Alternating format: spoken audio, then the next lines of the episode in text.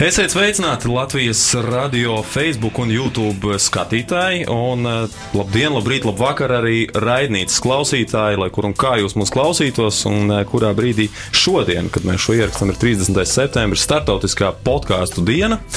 Un uh, atzīmējot šo svētku dienu, Latvijas radio podkāstā par podkāstiem, raidnīca, esam organizējuši tādu kā bonus epizodi, um, diskusiju, sarunu ar podkāstu veidotājiem un arī klausītājiem eh, par to, nu, kādā punktā tad šobrīd mm, atrodas podkāsts kā tāda mēdīņu kategorija Latvijā. Gal galā nu, mēģināsim tikt pie skaidrāka skatu uz to, kā tikt pie klausītājiem, jeb kā nocupēt klausītājus, kas ir arī šīs sarunas galvenais, galvenā tematika un, un, un nosaukums.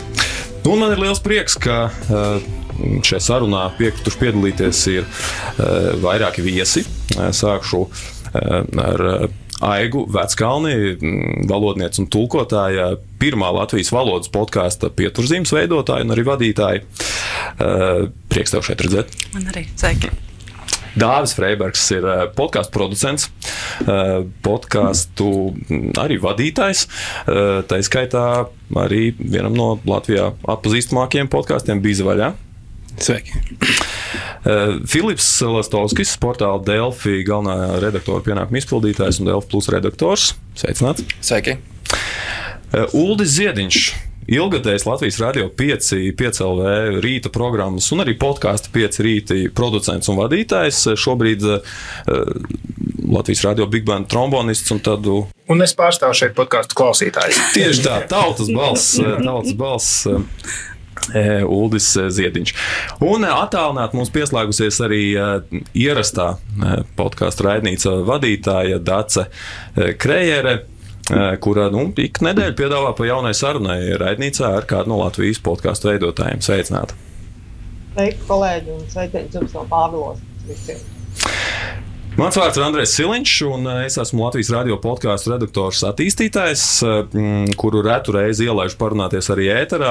Man ir jāsaka liels paldies arī Dacei, ka, ka viņa man ir ļāvusi arī aizņemties raidnīcas viļņus eh, šajā dienā, jo šodien, kā jau minēju, ir starptautiskā podkāstu diena. Tā tika radīta 2014. gadā, un nu, kur gan citur, ja ne, ja ne podkāstu mekā Amerikas Savienotajās valstīs. E, un šo svētku mērķis e, nu, ir atzīmēt un celt e, podkāstu spēku un, un, un ietekmi. Dāce, tev kā podkāstu veidotājai, kā raidnīcas veidotājai, šī ir svētku diena. Man laikam svētku diena ir katra reize, kad es atklāju kādu jaunu raidierakstu, kas man liek sajūsmā spriegt, o, tik interesanti. Es esmu atradusi kaut ko atklājis, vai arī kādu sarunu, kas iedvesmo. Laikam tāda viena diena diezgan vai. Bet katrs jauns raidieraksts vai interesants saruna, tā gan man ir svētku diena. Jā. Kā jums pārējiem eh, podkāstiem ir kaut kas tāds, eh, podkāstiem ir vajadzīga šāda atsevišķa svētku diena, kur mēs atzīmējam to, kas, kas ir šie podkāsti. Nu, šī ir, tā, jauna tradīcija vispār, un kur nu vēl Latvijā?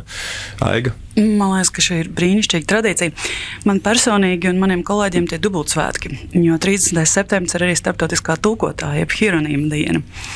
Un man ir prieks, ka šādas dienas ir, jo starptautiskā raidieraksta diena ir laiks, kad tu vari savam, sava iecienītākā podkāstu, jeb raidieraksta autoram nosūtīt paldies, kādu ieteikumu, komentāru, padalīties ar to savos tīklos. Man liekas, šī ir diena, lai atcerētos un lai par to runātu. Bet patiesībā jau mēs to varam darīt arī katru dienu, nosūtīt kādu, kādu ieteikumu vai paldies. Jā, kaut kā cilvēki tā biežāk darītu. Kā jums pārējiem, nu, podkāstu svētki vai nesvētki, bet droši vien podkāstu ikdienā jums ir svētki jebkurā gadījumā? Jā, protams. Nu, man atšķirībā no Dārcis, eh, katra jauna podkāstu atklāšana ir sēru diena, jo, jo es saprotu, ka uz tā saraksta, kas man jau ir izveidots fona, vēl viens jauns, es to nepavilkšu nekādi. Bet eh, nu, laikā laikam ir jāmāk palaist tās podkāstus vaļā, uz kādu laiku paklausīties kaut kas cits. Kā, jā. Un, ja būtu labi, ja visi podkāstu veidotāji arī norādītu to pēc iespējas vienkāršāku veidu, kā to paldies nosūtīt. Jā, to atgriezenisko saiti izveidot ar, ar, ar klausītāju. Filipa, tev arī ir veidojis tas saraksts ar podkāstiem garš, ko, ko, ko vajadzētu klausīties ikdienā? Īsti nē, man tie paradumi, kā es klausos podkāstus, nav pēc tāda saraksta vai pēc drīzāk pēc tematikām un konkrētā brīža, kad man kaut ko vajag atrast. Līdz ar to svētku dienā. Nu, man liekas, ka jo vairāk svētku dienas, jo labāk, vai not. Un, nu, jau, piemēram, mēs arī varam valodu varbūt tieši brīvāk izmantot, un reizēm kāds anglicisms vai, vai ko tādu, ko mēs ikdienā darbā neizmantot. Un, un, un šī jaunā informācija un šī dažādība, ko ienes podkāstā, nu, ir diezgan svētku pilna. Mm. To kādā punktā spēku un ietekmes ziņā, par ko ir šī svētku diena, e, podkāsts ir Latvijā, to mēs mēģināsim noskaidrot arī šajā sarunā. Un pirms tam, e, pirms to spriežam paši šeit studijā, paskatīsimies un paklausīsimies video, jo es biju izgājis vecrīgas ielās, eh, lai noskaidrotu, vai cilvēki maz zina, kas tas podkāsts tāds ir. Lieta tāda, ka, kad runā, eh, klausa audio formātā, runā diskusijas savā starpā, bet aptuveni kāds pusstundu, 40 minūšu garumā. Tas ir, eh, tas ir kaut kāds video materiāls, uh, savaidots uh, bieži vien, kurus uh, vai no iTunes var, var, var, var dabūt. Uh, nu, vai noteikti kaut kur vēl, bet tas ir tas, ko es vismaz zinu attiecībā uz podkāstiem. Tā kā ne īsti rādio, bet tāda pārraide, kur ir nu, atkarīgs pēc tēmas. Kaut, kādas, kaut, kaut kādām tēmām, teiksim, kaut kāda apspriešana vai kas, es nezinu, kurīgi mm. sakot tā īpaši. No podkāsts ir principā, kur uh, cilvēki pāris interesanti parasti runā par kaut kādām konkrētām tēmām. Parasti tie ir specifiski par kaut kādām lietām. Podkāsts ir internetā tāds tā kā tiešraide, kur uzdod dažādus jautājumus par dažādām interesantām tēmām. Es baigi par tādām lietām neinteresējos, bet, nu, cik es zinu, arī tās intervijas, kādas sarunas par kādām tēmām. Um, it's just where people, um, for example, talk about different things um, in their lives. Uh, could be everything about politics, about sports, about food, everything pretty much. Just talk about like with someone else and getting new input. When I think of podcasts, it's like people talking about anything they they think is very interesting or important for the world and it's about politics it's about comedy it's just about listening and relaxing to news and yeah, people talking kur cilvēki runā par dažādām tēmām un nezinu, intervē viens otru un uzdod jautājumus un tā. Tā ir saruna klātienē, ko klausās visi austiņas. nu, tas ir būtībā tā kā audio būks kaut kas tam līdzīgs. Mm. Formā izskatā zinu, izskaidrot latviešu grūti. Lejuplādi, leju papraidi, termini dažādi. Mm. Bet zinu. Nu, tas ir tikai, um, nu, kad cilvēki savācās un runā par dažādām tēmām. Yeah. Podkāsts ir raidieraksts, tā, tā īsi. Protams, ka tas ir zināmā mērā atreferējums par, par Latvijas radioraidījumiem arī, bet uh, ir arī oriģināli. Tātad uh, raidieraksti, kurā Nu, mēs varam stāstīt par jebko. Principā. Tā ir politika, tā ir ekonomika, tā ir kultūra, tā ir dzīve. Un es domāju, ka tas ir viens skaists tāds. Um, faktiski uh, elements uh, kopējā tādā informatīvā telpā, kas uh, klausītājiem pieņemamā formā pastāsta un liek klausīties par daudzām interesantām lietām. Jā, nu redzam, atbildes ir dažādas, citas kopas, skopākas, citas izvērstākas. Kas, jūsuprāt, ir podkāsts? Kas ir podkāsts, Filips? Audio ieraksts. Nu, tas tradicionālais jautājums, laikam, es nezinu, vai tas arī ir tavs nākamais jautājums, ar ko tas tad īsti atšķirās no radio, ja jau reiz tas ir vienkārši audio ieraksts. Man liekas, tas ir tāds brīvs sarunas formāts, kur mēs bieži tradicionālo mēdīju darbinieku, žurnālisti, redaktori varbūt nevaram atļauties. Tas atcaucās uz to, ko es teicu arī iepriekš. Nu, tā ir valodas brīvība, kas man ar ko ļoti asociējās mm, podkāstī, un tā ir varbūt tāda uz, lielāka uzrīkstēšanās nu, dažādos formāta nu, risinājumos un satura risinājumos. Bet, nu, principā, nu, jā, no audio ieraksts. Mēs varbūt varam no radio skatu punktu pakomentēt, jo ir gadiem ilgi nācies uz to skatīties no otras puses. Lai arī mēs raidījumu izgriežam kā podkāstu, tas tomēr ir nu, atkārtojums, tas tā, par tādu absolūti tīru formu podkāstu to nevarētu nosaukt. Bet eh, tā milzīgā atšķirība ir tā, ka radio tu pieslēdzies uh, nejauši. Podkāsts ir kaut kas, ko, ko tu paņem apzināti. Uh, tad, tad radio uz pasūtījumu. Ja, ja radio raidījumu tiešraidē tu nevari izveidot, un nu, cilvēki pieslēdzas katru brīdi, un katru brīdi atslēdzas nost, un, un tad, tad podkāsts tomēr ir kaut kas tāds, ko tu klausies, tāpēc, ka tu to esi nolēmis. Tu tu to pats esi apzināti izvēlējies, abonējis, nospiedis play un klausies, un parasti klausies no sākuma. Kas arī no, ļoti liela atšķirība no radio. Radio tu reizēm ir visu laiku jāatkārto, kur mēs esam, kas mēs esam, kad mēs esam. Jo podkāstā tā, tā, tā tas nav jādara, jo podkāstu sāk klausīties no sākuma. Tā bija podkāstu. Kāda ir tava podkāstu definīcija? nu, Vai vispār- raidieraksta? Raidierakstā es nepiekritīšu, ka tas ir ā, raidījuma formāts, kurā brīvāk var runāt. Jo patiesībā podkāsts pēc tādas, tādas cietās definīcijas ir audio fails, kurš tiek izplatīts caur ā, podkāstu no, izplatīšanas tehnoloģiju, jeb RSS feedu. Tas nozīmē, tas var būt jebkurš audio fails, un tur nav svarīgi, vai viņš ir brīvā formā, vai tas ir ļoti formālā formā, vai tas ir producēts, montēts, vai tas ir nemontēts un vienkārši sarunāšanās. Tā kā, bet šo definīciju mazliet sarežģīja arī tas, ko mēs dzirdējām ā, intervijās, to, ka daudz cilvēku klausās, klausās ā, podkāstus YouTube, un tāpēc mums tā, tā, tā, tā definīcija sāk lēnām izšķīst, un tāpēc rodas problēmas. Un cilvēki bieži vien uzskata, ka podkāsts ir kaut kāds raidījuma formāts, bet patiesībā nē, tas ir vienkārši audio uh, fails, ko tu vari klausīties. Tas ir tas, uz ko es esmu vienmēr eh, mēģinājis pastāvēt un norādīt, ka podkāsts jau nav satura formāts, bet tas satura patērēšanas veids.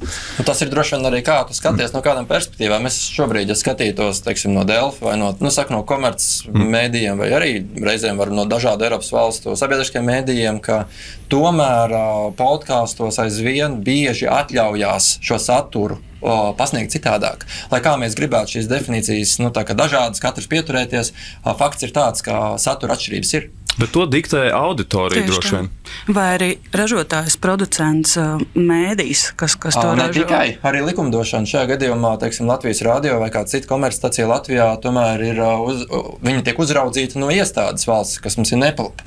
Šai, ja es uztaisīšu savu podkāstu, ierakstot skapī vai istabā, mani, jā, man kāds var iesūdzēt tiesā ar civilu prasību, taču nepilpa man nevar atsūtīt klauzu par to, ka tā tad. ā, O, tur uh, reklāmas kaut kāds izvietojums, tāds, tāds, tāds, slēpta reklāma, tāda, tāda valodas lietojums, tāds, tāds, tāds. Tā kā tomēr ir šīs satura atšķirības arī. Es domāju, par reklāmas lietošanu tas ir līdzīgi kā ar Instagram kontiem un influenceriem. Tas ir tikai ļoti drīz laika jautājums, kad to mm -hmm. sāks regulēt un regulēt ļoti konkrēti. Bet uh, ir tas, ko, to, ko Aiga teica, ka arī pats satura ražotājs, teiksim, ļoti daudz komēdiju podkāstu, ko es klausos, tur vadītāji burtiski izbauda to, ka viņi var atļauties nevis sēdēt tajās televīzijas ma- m, ie- iespiestajās septiņu minūšu sarunās ar viesiem, bet šeit mēs varam muldēt vienkārši, nu, cik vēlamies. Un tad pienāk stunda, un viņi saka, ka vienalga pietiek. Bet eh, tas ir tomēr, nu, tā ir tāda brīvība arī no tiem standartiem, ne tikai no, no likuma grožiem. Noteikti. Eh, Jā, nu, video kāsts arī ir tāds termins eh, angļu valodā, bet eh, kā mēs nu, varam to novērot gan šīs šajās ielu intervijās, gan arī pētījumā, ko Latvijas radio veica pavasarī, tad šie termini ir saplūduši būtībā. Un šobrīd video un podkāsts tas būtībā ir to cilvēku un sabiedrību uztver kā kaut ko vienotu. Un, un mēs varam paskatīties šo Latvijas radio pasūtīto pētījumu pavasarī, kurā arī eh, redzējām to, kādās platformās tad, eh, tad visbiežāk cilvēki patērē podkāstus. Un, eh, nu, šeit droši vien arī ir atbilde uz, uz, uz, uz jautājumu, vai video kāsts ir saplūdis ar podkāstu. 75% cilvēku atbildējuši, ka, ka savu pirmo platformu tieši YouTube norādījuši kā, kā, kā podkāstu patērēšanas vietni. Eh, Savukārt, starp audio platformām tu dari atrāvienu ar atrāvienu eh, populārākais Spotify, kam seko Google podkāsts un Apple podkāsts. Kāda, kāda ir jūsu pieredze ar, ar platformām, ar, ar, ar, nu, ar cipariem, dāvī? Nu, mums patiesībā tieši ar to YouTube tā, tā arī bija. Jo sākumā mēs pirmās kaut kādas bija vaļā podkāstam, kaut kādas pirmās 30 epizodes mēs šķiet ierakstījām tikai audio formātā. Uh, un tad mēs kaut kādā brīdī sākām pāriet arī uz video formātu un sāk likt, un mums tā auditorija kopš tā brīža, kad mēs likām video, nu, sākām arī likt video. Nu, trīskāršojās. gandrīz. Nu, tā, uh, un arī auga auditorija, kas aud, no audio formātā klausās, bet arī ļoti daudz cilvēkiem, kurus esmu runājis, kas klausās podkāstu, prasīs, nu, kā tu uzzināji par podkāstu. Jā, es YouTube redzēju. Un tad es paklausījos YouTube, bet tad es arī pēc tam sāku Spotify klausīties. Kā, uh, Nu, video, lai gan es, protams, esmu tāds liels audio tieši fans, man liekas, audio saturs ir tas, tas vērtīgākais podkāstā, nevis sēdēt un skatīties video, kā cilvēki runā.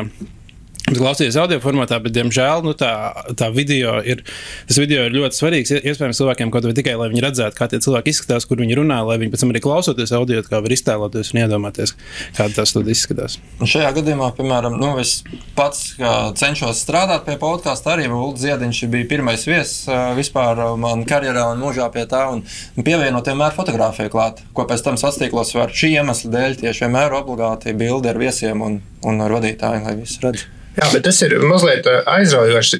Es, es vienkārši skatos bieži uz cilvēku, kurš tiešām to arī dara, klausās podkāstu YouTube.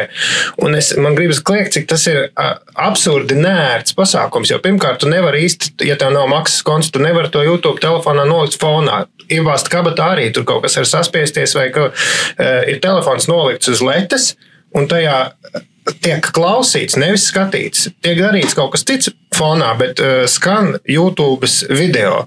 Un es saku, tas taču ir nērti. Nu, jā, bet es esmu pieredzējis. Un cik, cik liels uh, nozīme ir tam pieredumam pie tā, cik, cik YouTube, ka šis absolūti, manuprāt, nērtākais veids ir 70% uh, Aiga, ar tavu podkāstu tie cipari ir līdzīgi. Nu, mēs redzējām YouTube, un tad ir Spotify kā tāds no audio platformām lielākais, kam seko pārējās platformas. Tavam podkāstam arī ir, ir kaut kāda līdzīga tā, tā, tā, tas sadalījums. Jā, nu, protams, Spotify ir numur viens. Mm, tad seko Apple podkāsts, bet man patīk tas, ko Ulris teica. Jo patiesībā jau jebkuram raidieraksta autoram, veidotājam, manuprāt, būtu jāiet tur un jābūt tur, kur ir klausītājs. Nu, pat ja pašam šķiet, ka tas klausītājiem ir nērti, un gribēju YouTube klausīties, liekam YouTube.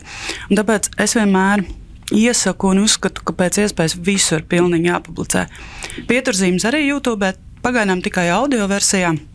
Bet tāpat es skatos, ka cilvēki klausās arī to. Esmu arī Delfu podkāstos un, un pilnīgi visās raidierakstu lietotnēs. Pat ja tur ir viens, divi klausītāji, ja viņiem tā ir ērti, tad brīnišķīgi. Mm. Nu, jā, nu, es atzīšu, ka man personiskā līmenī arī gribētos, lai, lai uh, nu, gribētos pretoties tam video formātam, ja mēs runājam tieši par podkāstiem. Bet, bet nu, skaidrs, ka mums ir jāņem vērā tas, tie, tie lietotāji paradumi un, un, un uh, nu, kaut kāda sevis, savas taisnības sludināšana varbūt pat varētu kaitēt šajā, šajā gadījumā, netiekot līdz tam potenciālajiem klausītājiem. Filip, kā, kā Delfi redz podkāstu satura izplatīšanas kanālus? Tas ir audio formāts, video formāts, kādās, attie, kādā attiecībā? Mēs ejam primāri uz audio šobrīd, nu, diezgan pārliecinoši. Arī teiksim, mums ir video raidījumi ikdienā Delfa darbā, bet uh, mēs šos video raidījumus paralēli pārpublicējam arī podkāstu sadaļā, lai cilvēki varētu tikai audio formātā internetā ātrums un pārējais, kas viņam tā var palīdzēt. Un, ja mēs skatāmies, tad uh, mēs viņus primāri ievietojam Delfi, piemēram, top zonā. Un uh, tur arī nāk šī auditorija, kas ir nu, pārsvarā vairāk kā 90%. Mm, un nu, pārējais sadalās līdzīgi. Tur ir Spotify vai Apple. Taču nu, tas noteikti ir audio formāts vismaz šobrīd. Uh, Bet tas patiesībā kāds ir nākotnē ļoti grūti uz to atbildēt, tāpēc, ka ir no visām minētajām platformām, ko mēs tagad redzējām, YouTube iegulda vislielākos resursus attīstībā, tehnoloģiju, un līdz ar to tā ir arī atbilde, kāpēc viņi aizvien mums blakām ir. Ir krietni vieglāk atrast kādu tema, nu, tādu vienkārši randomizētu tematiku, ierakstot YouTube, nevis Spotify. Hmm. Nu, tad tā, man liekas, ir atbilde. Jā, nu arī mēs šobrīd, lai gan esam, uh, esam raidnīcas bonus epizode, bet uh, esam, esam nevien dzirdami, bet arī redzami. Un, Dace, tu redzi kaut kādu pievienoto vērtību, tad, ja raidnīca nu, arī savas regulārās epizodes publicētu arī video formātā, tās būtu ne tikai klausāmas. Um, nu jā, mums redzot tā pieredze, mums nav tie skaitļi, lai salīdzinātu, kā ir tikai audio un kā ir audio un plus arī YouTube, piemēram. Bet uh, interesanti arī runājot ar citiem podkāstu veidotājiem, vēl, kas jau te man, man liekas, ka Filips to pieminēja, ka YouTube ir ļoti labs šis meklētājs, ka tā ir ļoti laba. Varbūt pat tas klausītājs aiziet tālāk klausās Spotify, bet uh, tieši caur YouTube var atrast uh, to saturu, kas tev interesē. Līdz ar to tā ir iespēja atrast jaunu klausītāju. Un vēl ir, man liekas, arī interesanti tieši par to video, eh, tie podkāsti, kuriem parādās kaut kāda rocība, parādās kaut kādi tie paši Patreon maksājumi. Man liekas, ka eh, runājot par podkāstu veidotājiem, tas ir pirmais, kur viņš šo naudu iegūst tieši video satura veidošanā. Tiklīdz tev ir šī rocība un iespēja. Un otrs, jā, ko man liekas, mēs tikko nesen runājām ar Roju Rodžeru un Kristiānu Grāmatiņu, ko viņi arī uh, tieši runājām par to, nu, kāpēc filmē, kāpēc uh, cilvēkiem vajadzīgs šis video. Un, uh, pavisam vienkārši, jo mums ir maņa, mēs klausāmies, mums ir acis, mums ir maņa redzēt, un droši vien tā zinkārība redzēt, kā izskatās šo, šoreiz Kristiāna vai, vai Rojas vai kāds cits podkāstu vadītājs. Viņa viesis tā ir nu, tāda lieta, ko nu, ja ir tāds ieradums un vēlme, tad jā, tā ir tā pievienotā vērtība, ko podkāsts var iedot. Jā, nu, noslēdzot mūsu pirmo tematu, varam paklausīties, ko par, par to eh, pašu runā mūsu pašā, pašā pirmajā raidnīcas epizodē eh, viesņā Laura Grēviņa, kurai ir podkāsts pakluso, un arī viņa publicē to gan YouTube, gan, gan protams, audio straumēšanas platformās. Es to publicēju, sākotnēji publicēju tādēļ, ka daudzi cilvēki man par izbrīnu Latvijā Spotify, piemēram, joprojām nelieto. Un tad, kad es sāku veidot savu podkāstu, es to arī ļoti jūtu, ka cilvēki tiešām ļoti daudz klausījās YouTube. Un arī šobrīd uh, es esmu prasījusi kādam, kas klausās, kā, kāpēc tu klausies tur. Un tad cilvēki atbild, no nu, es tur datorā strādāju, atveru vienkārši YouTube fonā un man skan ok. Bet uh, es jūtu to, ka ļoti daudz cilvēku, kas sākumā klausījās tajā YouTube, viņi ir uh, tomēr sapratuši, ka viņiem vajag to pašu Spotify. Bet um, to noteikti vajag darīt un publicēt, pat ja tev tur ir uh, 50 skatījumi. Jo nu, YouTube ir ļoti svarīga platforma, kur tevi var pamanīt, jo tur ir savs algoritms un, un, un kaut vai viens cilvēks vai divi var tādā veidā uzzināt par tevi. Un to es esmu arī klausījusies, lasījusi kaut kādos podkāstu padomos no citiem, ka tas uh, ir ļoti svarīgi. Kaut vai ielikt nelielu fragmentiņu, var, var audio fragmentu ielikt no tās visas garās sarunas, vai publicēt visu, tas nu kā kuram gribās. Bet jā, arī ja nav uzfilmēts tas video, tad to vajag darīt. Tas noteikti ir laba papildus platforma. Eh, Laura Grēviņu par, eh, par eh, savu pieredzi ar podkāstu pakluso. Dāvi, jums arī bija vaļā, tu jau sacīji, arī sākotnēji bija tikai audio formāts, arī YouTube publicējāt vienkārši nekustīgu attēlu, un tad nu, kādā brīdī nolēmāt mainīt šo un nu, piedāvāt tādu vienas kameras produkciju ar, ar, ar vienu statisku kameru. Kā jūs nonācāt līdz šim lēmumam, ka tas ir jādara? Tas no sākuma mēs vispār tajā laikā, vēl, kad mums bija tikai tikai uh, audio uh, epizodes. Mēs mūsu Patreoniem piedāvājām video reizi mēnesī vienu video epizodi. Nu, tad, ja cilvēki ļoti gribēja mūs redzēt, nu, tad, tad mēs viņiem piedāvājām. Un tad tas vairāk bija tāds tehnoloģisks attīstības iemesls, jo es sapratu, kā var pietiekami ātri saslēgt video ar audio kopā, lai pēc tam nav liela montēšana, renderēšana, bet to visu uzreiz dabūt gatavu. Un tad jau bija tāds, kāpēc ne? Tas ir tikai, tas īpaši neko nesarežģīja tādā veidā, un tad tas vienkārši ir tikai bonus. Tad mēs sākam to uh, arī tā darīt. Virzot, jā. es par to mēs esam uzsēdušies uz video tēmu, un es vienkārši klausoties Dācijā, gribēju piebilst, ka, ka mēs runājam par divām, divām dažādām formām, un man šķiet, ka tas podkāstu tīrā veidā ir tikai tas video, kurš tu vari tiešām arī nolikt to telefonu nost un, un atstāt fonā. Savukārt, tas minētais tur Roja un Kristiānas eh, video, kurā jau kaut kas notiek eh, vizuāli, tas tomēr jau, jau ir kaut kāds podkāsts plus video raidījums, kas man, man liekas, ka tīri vairs par podkāstu saucams nav. Ka es gribētu to definīciju pateikt, ka podkāsts ir tas, ko tu vari klausīties arī YouTube. Skaidrs, ka YouTube cilvēki ir vienkāršāk nekā Apple podkāstu aplikācija, kur joprojām ir barda Netflix vai, vai Spotify, kas ir liekas, ka jāabonē obligāti, un YouTube vienkārši ir pierastāks. Bet es gribu to robežu novilkt, ka, ja tas ir video raidījums ar video saturu, tas vairs nav podkāsts. Nu, re, 15 minūtes pagājušas, un esam tikuši līdz, līdz kādai definīcijai, kurai plus mīnus visi, visi piekrīt. virzoties, virzoties tālāk uz mm, mūsu galveno jautājumu šajā sarunā, būtu arī labi saprast, eh, kuri ir veiksmīgākie Latvijas podkāsti, atpazīstamākie podkāsti, eh, tie, kuriem izdevies tikt pie kaut kāda stabila sava klausītāja. Un, eh, nu, skaidrs, pasaulē ir vairāk nekā 2 miljoni podkāstu ar desmitiem miljonu epizodu visās iespējamajās valodās valodās. Eh, bet kuri ir Latvijas eh, klausītājiem? Pazīstamākie podkāsti. Eh, uzdevām līdzīgu jautājumu arī ielās, lai mūsu sastaptie podkāstu klausītāji spontāni nosauc pirmo, kas viņiem ienāk prātā. Tas ir pirmais podkāsts, kas tev nāk prātā. Mm, ir pirmā formula uh, Beyond the Grids. Man personīgi interesants. Un otrais - diplomātiskās pusdienas, ja nemaldos, tas arī ir jūsu. Respektīvi, tas, kas man nāk prātā, bija tie TED, uh, TED, uh, jā, jā, uh, TEDs vai TED, jā, tie, tie, tie, tie teiksim, sarunas par dažādiem jautājumiem par uh, bērnu izglītošanu. un Tādā garā tas ir tas, kas tā man ļoti ātri nāk uh, prātā. Jā.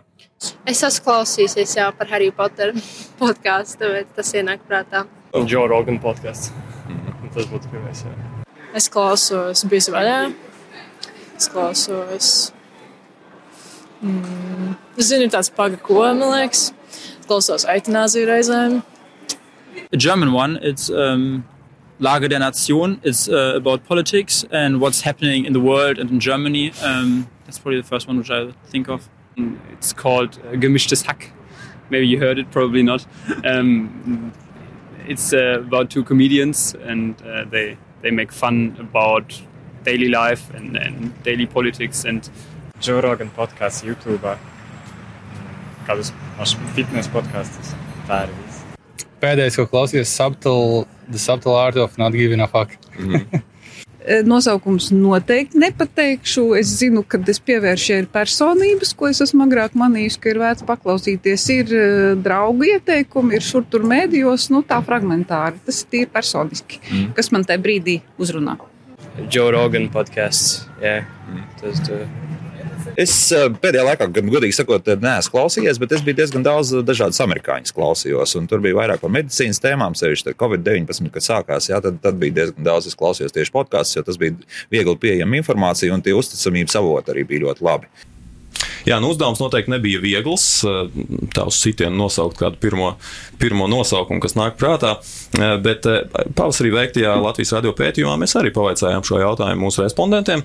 Viņiem, protams, bija nedaudz ilgāks laiks pārdomāt šo šīs atbildes, nu, tad mēs šeit arī varam redzēt to, ka kādi, kādi podkāsti tika nosaukt kopumā, tika apkopoti 50 zināmākie podkāsti, un visbiežāk tika nosaukts podkāsts cilvēki jauda 8% no tiem, kas vispār klausās podkāstus Latvijā, un 11,4% starp tiem, kas klausās tieši latviešu valodā podkāstus. Tāpat pirmajā trīniekā bija paklusa un pēdējā pilīte, kas gan vairs neturpina savu, savu, savu aktīvo darbību. Ceturtais zināmākais ir Aiga tevis veidotais pieturzīmes. Vismaz mūsu pētījumā 4,6% no visiem podkāstu klausītājiem to nosauc, un 6,2% no tiem, kas latviešu valodā klausās. Nu, un interesanti, ka Vairāk kā 6% to, kur klausās latviešu valodā podkāstus, nosauc Latvijas radio podkāstus kopumā, kā šķiru, nevis atsevišķus nosaukumus. Uh, un tad turpat blakus ir arī Biza vaļā. Bizai, mm, Vīzijā tātad 6. vietā, un, un Delfi podkāstī tika minēti kā 11. ir šajā, šajā, šajā pētījumā, arī neprecizējot konkrētus nosaukumus, bet kopumā, ka tie ir Delfi podkāsti. Protams, jāņem vērā, ka šis pētījums, pētījums tika veikts pirms jau kāda laika. Es pieļauju, ka šobrīd aina varētu būt arī nedaudz mainījusies, bet Aiga, tavs podkāsts šajā pētījumā ir norādīts kā, kā, kā piektais zināmākais. Kā tu mēri sava podkāsta veiksmu izdošanos? Es esmu ļoti pārsteigta par šo pētījumu rezultātiem. Es jau biju gatava nosaukt, ka tur noteikti būs cilvēku jauda, pakluso, biza vaļā un tā tālāk. Kā es mēru? Nu, Pirmkārt, tas, kur es izvietoju failus, tas ir tā lietotne Ankara kā iespējams daudzi podkāsti ar Latvijā. Tad es vados pēc tās statistikas, jo jūs noteikti piekritīsiet, tie, kuri veido podkāstus, kad diemžēl raidierakstu statistika ir diezgan tāda nu, grūti aptverama un ļoti neobjektīva. Tad tā pa gabaliņam jāvāc no visām lietotnēm. Pētīju arī Spotify topu, kad tas bija top 100. Tagad Spotify ir top 20, un tur pieturzīme nav, kas ir saprotams, jo pieturzīmes ir nišas raidieraksts. To klausās tie, kuriem ir kaut kāda interese par valodu, vai kuri zina cilvēkus, kurus es intervēju. Bet to, ka simtniekā esam, to, to es zinu, to es esmu piefiksējis. Kā es mēru vēl, nu, man vislabākie mērījumi un vismīļākie mērījumi, tad, kad man kāds pasaka, ka klausās pieturzīmes, jo pirmkārt, nu, tas ir patīkami kā autorai, protams, bet otrām kārtām ir ļauj man izveidot šo ainu, šo klausītāju tēlu. Un tas vienmēr ir labi, jo tad, kad tu vadi audio tad ir labi iztēloties savu klausītāju. Dāvija bija vaļā arī turpat blakus pieciniekam šajā pētījumā, un, un, un starp latviešu valodā klausītājiem pat dala trešo vietu ar pakluso. Eh, kādu statistiku tu apkopo un, un kura tev ir būtiskākā? Tie ir kaut kādi kopējie klausījumi, unikālie klausītāji? Mm. Nu, kopumā man šķiet, ka tā podkāstu veiksme ir uh, tajos regulārajos klausītājos, kas ir tie cilvēki, kas klausās visas epizodes. Nevis viņi atnāk uz vienu, un tāpēc tāds, varbūt kopējais klausītāju skaits Uh, nav varbūt tas visprecīzākais, bet uh, patiesībā mēs šausmīgi arī tajā statistikā nelienam iekšā un neskatāmies. Nu, kopumā, ja tu redzi, tā, nu, epizodēm tur audio formātā, au, nu, laikam svarīgākais ir tas, lai, lai uh, skatījumi aug, nevis krīt. Tajā brīdī, kad skatījumi sāk krist, tad tu zini, ka nu, kaut kas varbūt nav kārtībā, ja skatījumi aug, nu, tad kopumā tas ir. Uh, veiksmīgi, bet patiesībā es tās sev biju nolicis kaut kādā brīdī uh, to To galveno statistiku ir mums ir Facebook grupa, un mēs regulāri epizodē sakām, nu, ja jūs klausāties, pievienoties Facebook grupā, tur mums ir kaut kas vēl.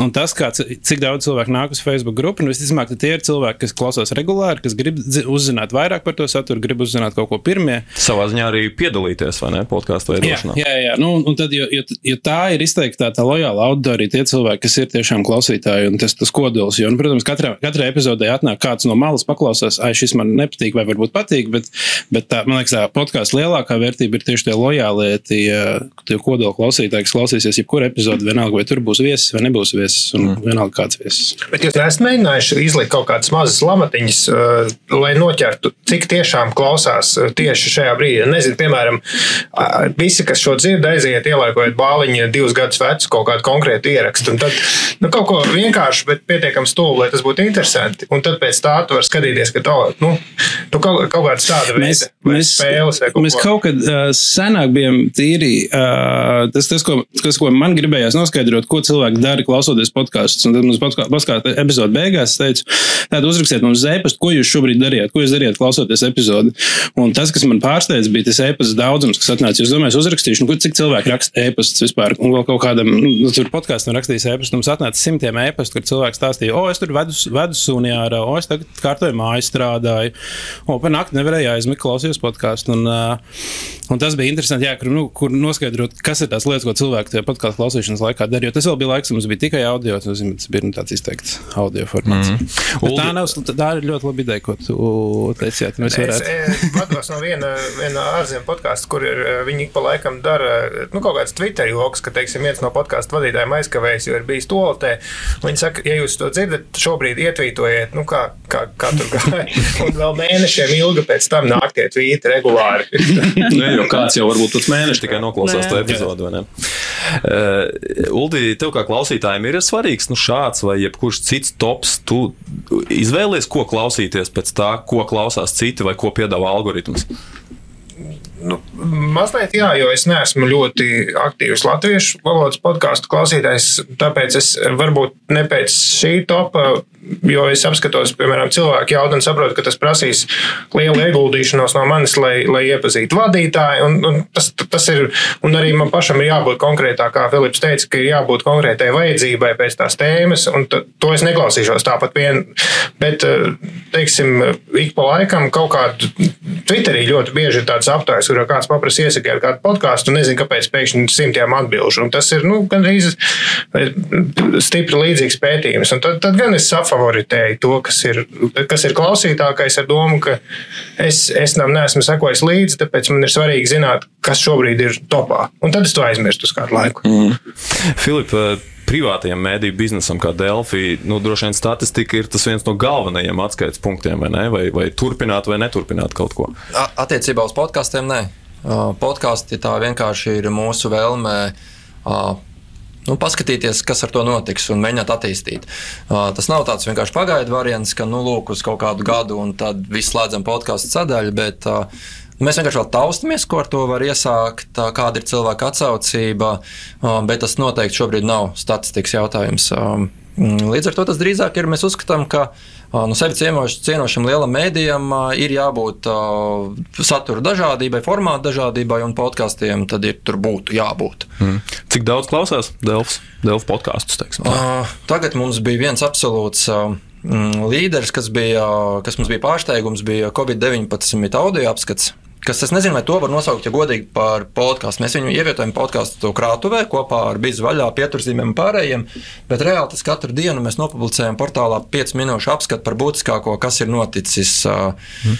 kas ir noticis Covid-19 saistībā, un tur tas Tas skaitlis bija ļoti liels. Uz katru epizodi vairāk kā tūkstots klausījumi. Un tas priekš podkāstu tiešām ļoti, ļoti daudz mums, jo pārsvarā tie ir simti, veiksmīgākie daži tūkstoši atkarībā no epizodes, no vieša, no viesa un varbūt tematikas. Mm. Kāda ir attiecība?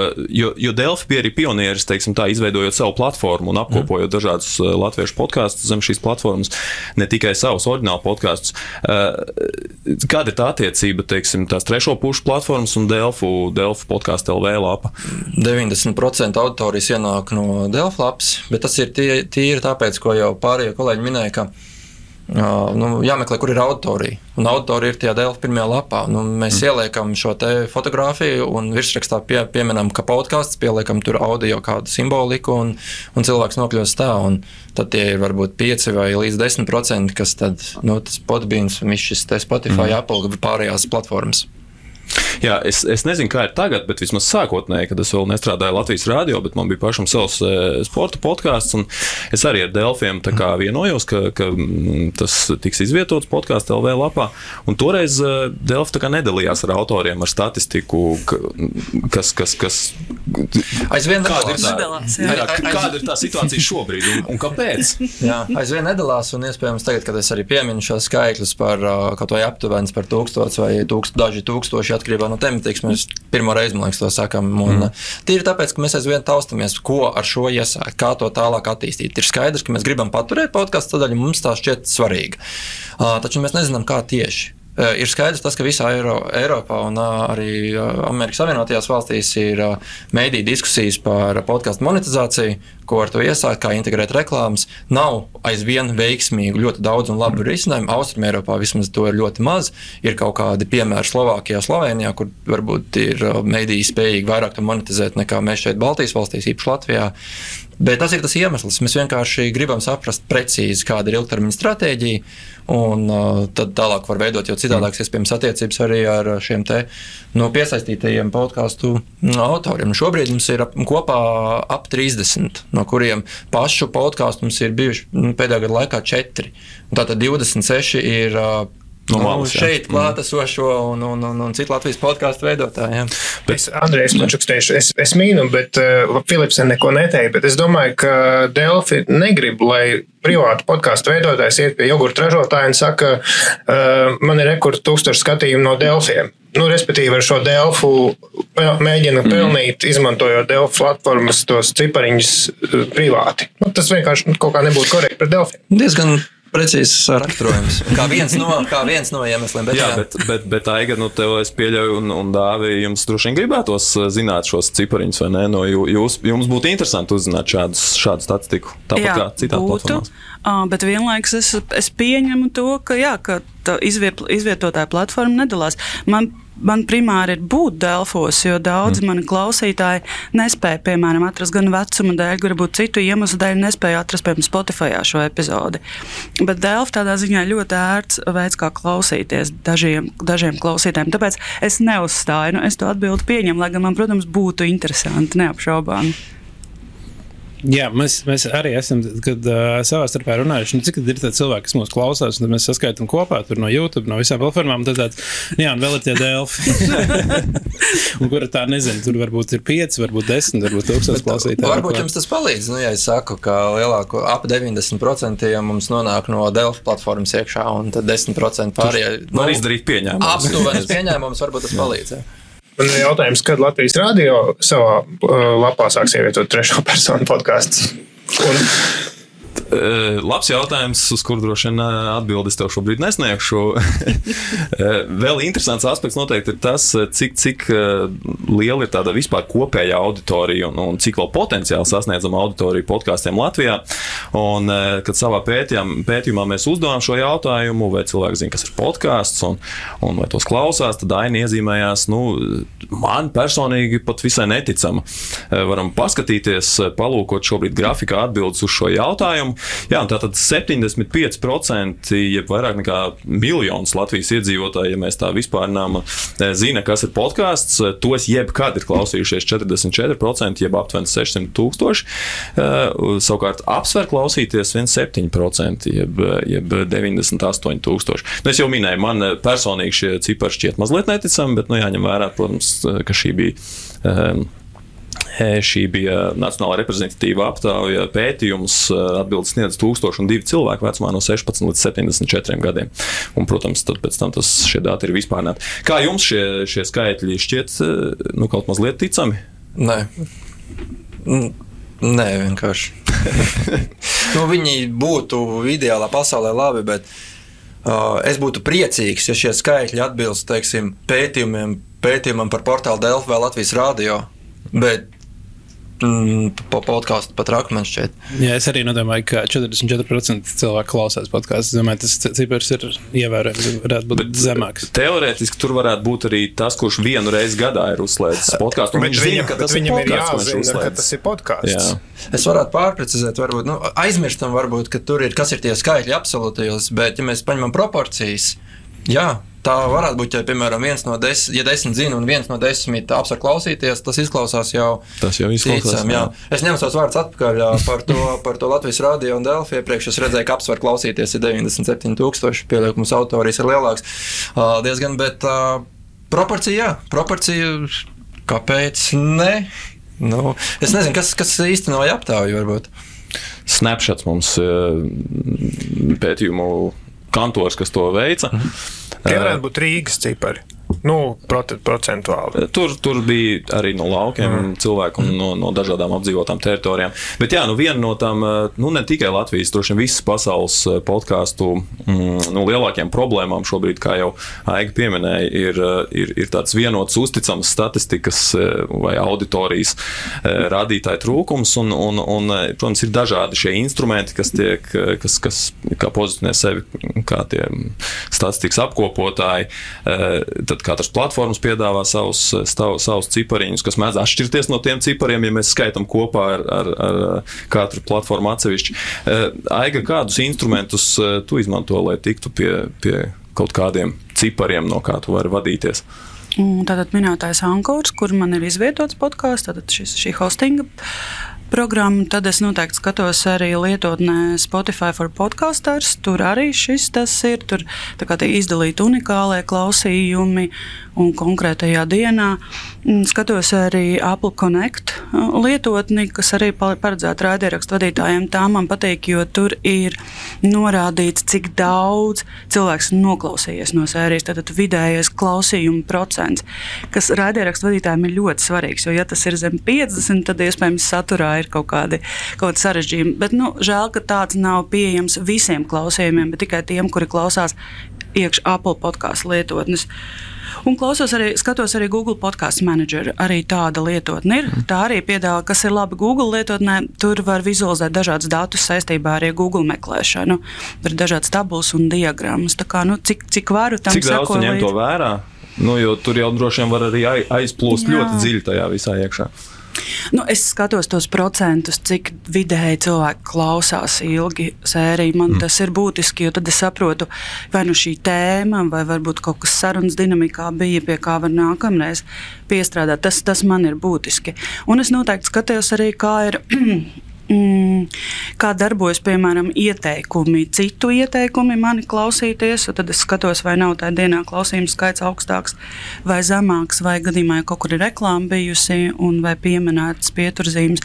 Tas tādā ziņā man ir būtiski šīs tendences vērot. Mm. Dāvi, tu veido podkāstu ne tikai sev, bet arī citiem. E, kādu statistiku tu vari piedāvāt viņiem, vai, viņiem, vai, vai citiem, kas, kas vēlas, lai tu viņiem uzražo podkāstu, viņiem ir svarīgi tie cipariņi? Jā, tur, tur gan cipari ir svarīgi, un tur noteikti mēs nonākam tajā problēmā, ka tā kopējā statistika ir diezgan sarežģīta. Jo, ja piemēram, paņemsi uh, Spotify un Apple podkāstu statistiku, mēģinās saskaitīt kopā, viņi neies ar to, ko tā podkāstu hosting serveris rāda, un tad tu īsti nevar bieži vien saprast.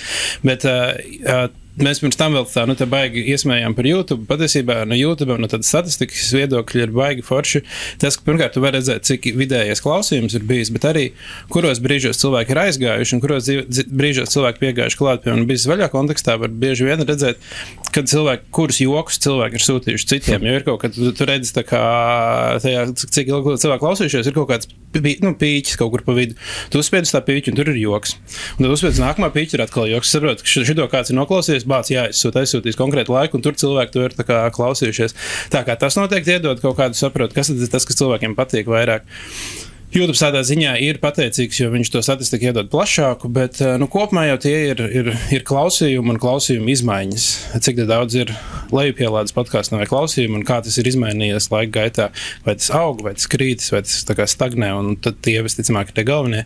Jo pārējās tās nu, mazākās detaļas, nu, vēl, vēl tas, ko gan piedāvā Spotify un Apple podkāsti, diezgan forši ir arī uh, dzimums un vecums. Un tu vari redzēt arī tas, kas, kas ir tā auditorija, kurai tas interesē. Mm. Uh, nu, vēl interesants skatu punkts noteikti ir mm, mediju veida patēriņš un tā mainība. Uh, radio vairs nav tikai radio, bet arī, arī video formāts, kā mēs to lieliski šobrīd apliecinām.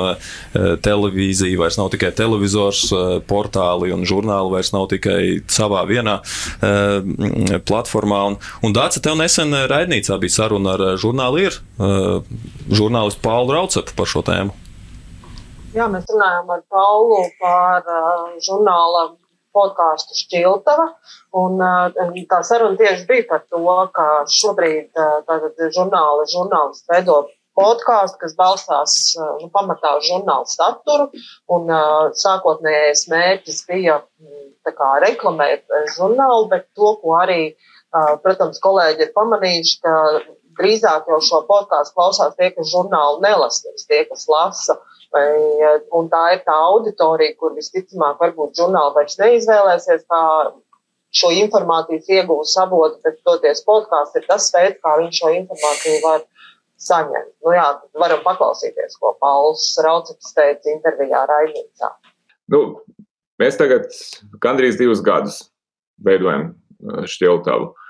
Un uh, pēdējā laikā es esmu, nu, es man pienāk klāt diezgan daudz cilvēki, un demogrāfiskais profils ir diezgan skaidrs. Nu, cilvēki 20, 30 gados, ja, kas interesējās par to, kas notiek, bet nu, viņu dzīves stilā, ieradumos nav sēdēt un lasīt presi. Nu, diemžēl man, man tas apbēdina, bet nu, tā tas vienkārši ir.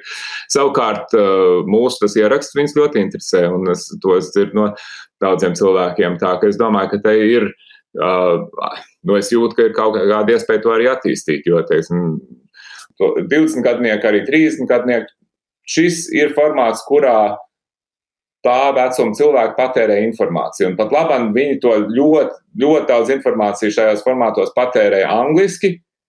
Un uh, mums, kā žurnālistiem un kā mēdījiem, ir, kas, kam rūp tas, kas notiek Latvijā, kuriem kam rūp lat, kaut vai latviešu valodas nākotne, mums ir jāpiedāvā viņiem alternatīvas arī latviešu. Tas ir, un jo vairāk mēs to darīsim, jo lielāks ir iespējas, ka viņi klausīsies ne tikai kaut kādas tur uh, raidījumus par Ameriku un būs ārkārtīgi labi informēti par Amerikas politiku, bet arī klausīsies, kas notiek Latvijā un sapratīs arī labāk, kas šeit notiek. Ja.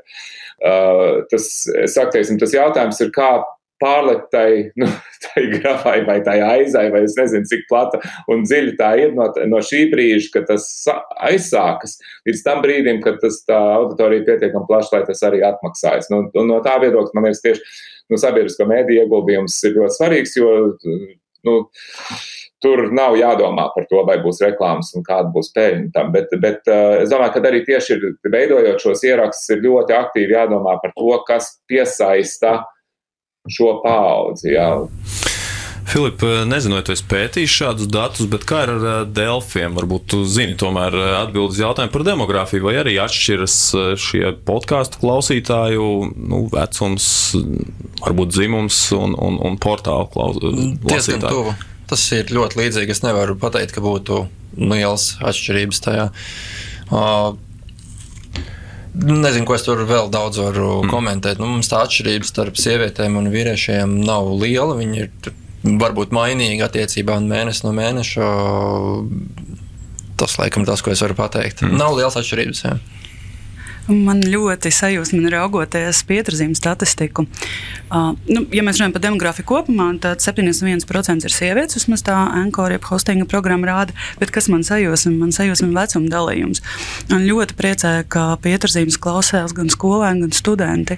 Un um, 32% klausītāju saskaņā ar šo statistiku veido cilvēku vecumā no 18 līdz 27 gadu, un vēl daži procenti ir arī zemāk.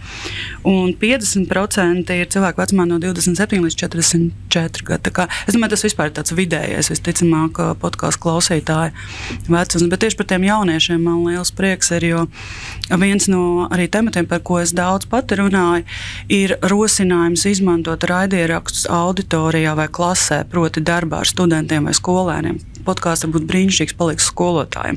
Tāpēc man šī statistika ļoti iepriecina. Dārka, Kāds ir tas uh, demogrāfiskais, uh, vizuālais tēls, ko mēs varam uzbūvēt par biznesa klausītāju? Te, te man pašam arī bija diezgan interesanti, jo uh, pirms kāda laika es uh, to skatījos. Tad pirmā, pirmais brīdis, varbūt nu, cilvēki, kas paklausījušies, bija liksies, nu, tas tāds īsti izteikti priekš jauniešiem. Ir. Un patiesībā līdz 18 gadiem mums auditorija ir kaut kādi 6%, kas ir tikpat daudz, cik 50 plus. Un tā lielākā auditorija ir no 25 līdz 35 pieciem gadiem. Nu, un tad viņa. Nu, un tad līdz 20, ne, līdz, līdz 25 no 20 ir uh, palielāka. Un patiesībā patiesībā arī ļoti daudz cilvēku nu, pēc 30 līdz 40 klausās, kas ir. Bet tās, tās izteiktākā ir ja 25 mm. līdz 35. Uldi, es pieļauju, ka tu droši vien klausīsies podkāstus arī tad, kad tev būs vairāk gadu nekā šobrīd, vai ne? Tas, šis paradums nemainīsies, tāpēc, ka tu kļūsi vecāks, vai tomēr mainīsies, kā tev šķiet? Es domāju, ka nemainīsies, un vecums padara pacietīgāku, un, un laiks ritīt kā ātrāk. Bet... Varbūt tos garos Rogan podkāstus tu klausīsies pilnā garumā. Jā, cilvēki jau. Cilvēki jau, trīs stundīgās. Bet es interesanti klausoties Paula teikto, es aizdomājos par to, ka uh, nesen kādā intervijā ar Džonu Stewartu, kas bija Daily Show vadītājs, un tagad viņam būs jauns šovs uh, āboļu televīzijā, un, un vēl uh, dažas tādi nu, ziņu un aktuālo notikumu cilvēki. ASV to pašu, ko mēs šeit spriežam par podkāstiem, spriež par TikToku. Tikai nu, runā par mazliet jaunāku auditoriju, bet, bet arī par tiem pašiem 18 līdz 40 plus mīnus par to, ka ka, ka jau šobrīd, piemēram, nu, vismaz tā, tā es tur dzirdēju, pats neesmu tik ļoti tik kā iekšā ielīdis, un es tur no turienes nesaņemu jaunākās ziņas, un man šķiet, Latvijā arī ar jaunākajām ziņām tur ir pašoki. Bet ka tas, ka tas ir jau kļūst par tādu, kā apmēram to, ko mēs šeit spriežam par podkāstiem, ka vajag skolās, ka tur var uzzināt kaut ko par vietējo politiku, ka, ka ASV tāpat šobrīd spriež par to, ka TikToks, ka tas tūlīt būs tas nu, pats svarīgākais mēdījis visā pasaulē. Hmm. Tā kā es domāju, ka mēs tiksimies pēc pieciem gadiem un spriedīsim par to, kā to visu izdarīt divās minūtēs. Eh, Vēl kādam, kas piebilstams par, par platformām, par statistikām, droši vien, ka plus mīnus esmu izrunājuši, varam ķerties pie galvenā temata. Kā tad tikt pie tā klausītāja, kā nocopēt klausītāju uh, mūsu podkāstiem. Uh, Jā, nu šajā milzi, milzīgajā satura, satura gūzmā, ko piedāvā podkāstī, skaidrs, ka tā konkurence un cīņa par, par to savu klausītāju ir liela. Šo jautājumu pavaicājām rīzniekiem ielās un, un arī Rīgas viesiem ielās sociālai tīkli, Instagram, Facebook. Jā. Citais Spotify, tur, kur ir tā kategorija podkāstiem, tu tur skatos. Mm. Es principā nesakoju līdz jauniem podkāstiem. Spotify man dod rekomendācijas, jo es klausos daudz citus, un viņi man rekomendē līdzīgus, attiecīgi tiem, kurus es tagad klausos. Jā, man viss bija vai no draugiem, vai no YouTube atskatoties. Mm. Kā, nu, kā skaties kādu kanālu, tad viņiem ir arī podkāsts. Mainly when I'm just looking through Spotify and then there are like different podcasts and I'm like, okay, this one looks good. I listen to it and that's how I find new ones. Probably just on Spotify. So when I scroll through and and also uh, yeah, if you like follow the media, you you get to know if there's new podcasts which are interesting and maybe when you when you like special topics you can just look through and then there are always any podcasts talking about their topics. So, yeah, that's the way I think. Lielākoties no TikTok vai kā tāda. Tur tāda klipiņa parasti ir vai kaut kas tam līdzīgs. Mm. Uh, Spotify, es taisnība skatos, jā. Pārsvarā dažādos interneta saiknēs, piemēram, YouTube vai arī um, kaut kur internetā, vai arī man draugi to pas, pastāsta kādu nu, par podkāstiem. Yeah. Te liekas, arī kaut kāda algoritma darbojas. Ņemiet eh, dažādas eh, lietotnes, kas ir pieejamas, jā, kuras eh, arī tas pats Spotify ir labi kaut ko tur ik pa brīdim piedāvā. Tā kā izmantojiet arī to, ko mākslīgais intelekts jums dod priekšā. Jā. Jā, nu varējām redzēt un dzirdēt diezgan vienojošu virzienu. Cilvēki par jaunumiem uzzina pašās platformās, kur patērē šo saturu. Un Latvijas radio pētījumā tur tā aina bija nedaudz cita. Šobrīd varam arī to aplūkot. Un redzam, jā, tā būtībā vienkārši internets kā tāds ir tā vieta, kur, kur cilvēki. Tas tikpat labi varētu būt teikts dzīvē. jā, nu kā, nu kuram tā dzīvē, ne? Jā, sociālai tīkli 47% atzīmējuši, ka tur uzzina par jaunumiem, 24% atbildējuši, ka seko draugu ieteikumiem. Uh, bet pašās platformās, kur, kur klausās podkāstus, tas skaits nav mazs, bet uh, tas procentuālais sadalījums nav ļoti mazs, bet nu, nav, arī, nav arī tik izteikts, kā mēs nu pat dzirdējām ielu intervijās. Varbūt, varbūt trāpījām uz tādiem cilvēkiem tieši. Uh, Ulda padalīs savā lietotāju pieredzē, kas, kas ir tā ēsma, ar kuru tev var nomakšķerēt, nocupēt.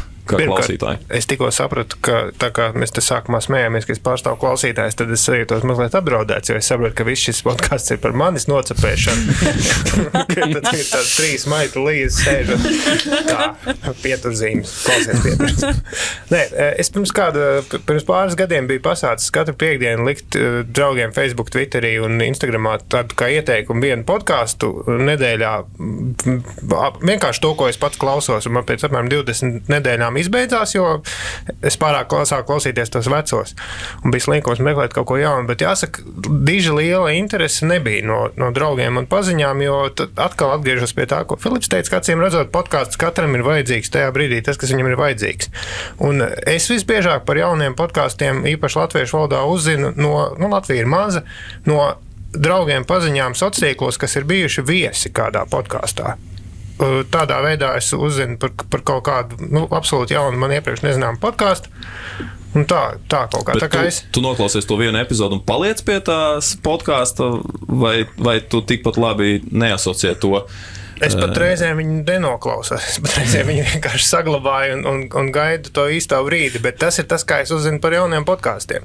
Mm. Uh, patiesībā no ārzemju podkāstiem visvairāk jaunas podkāstus es esmu iegūmis klausoties citus podkāstus. Reizēm, reizēm ir reklāmas, jo šīs reklāmas atšķirībā no, no nezinu, matraču reklāmām ir jēdzīgas, jo tur iesaka tiešām labus podkāstus. Reizēm ir, reizēm tie ir podkāsti pārplatformu viesošanās, kā atnāk ciemos tas, lai pastāstītu par viņu jauno podkāstu. Citos podkāstos būtu mana pirmā atbilde. Aiga, kādi ir tavi novērojumi un, un kādi secinājumi par efektīvākajām metodēm, kur, kur virzīt savu podkāstu, lai tas nonāktu pie auditorijas?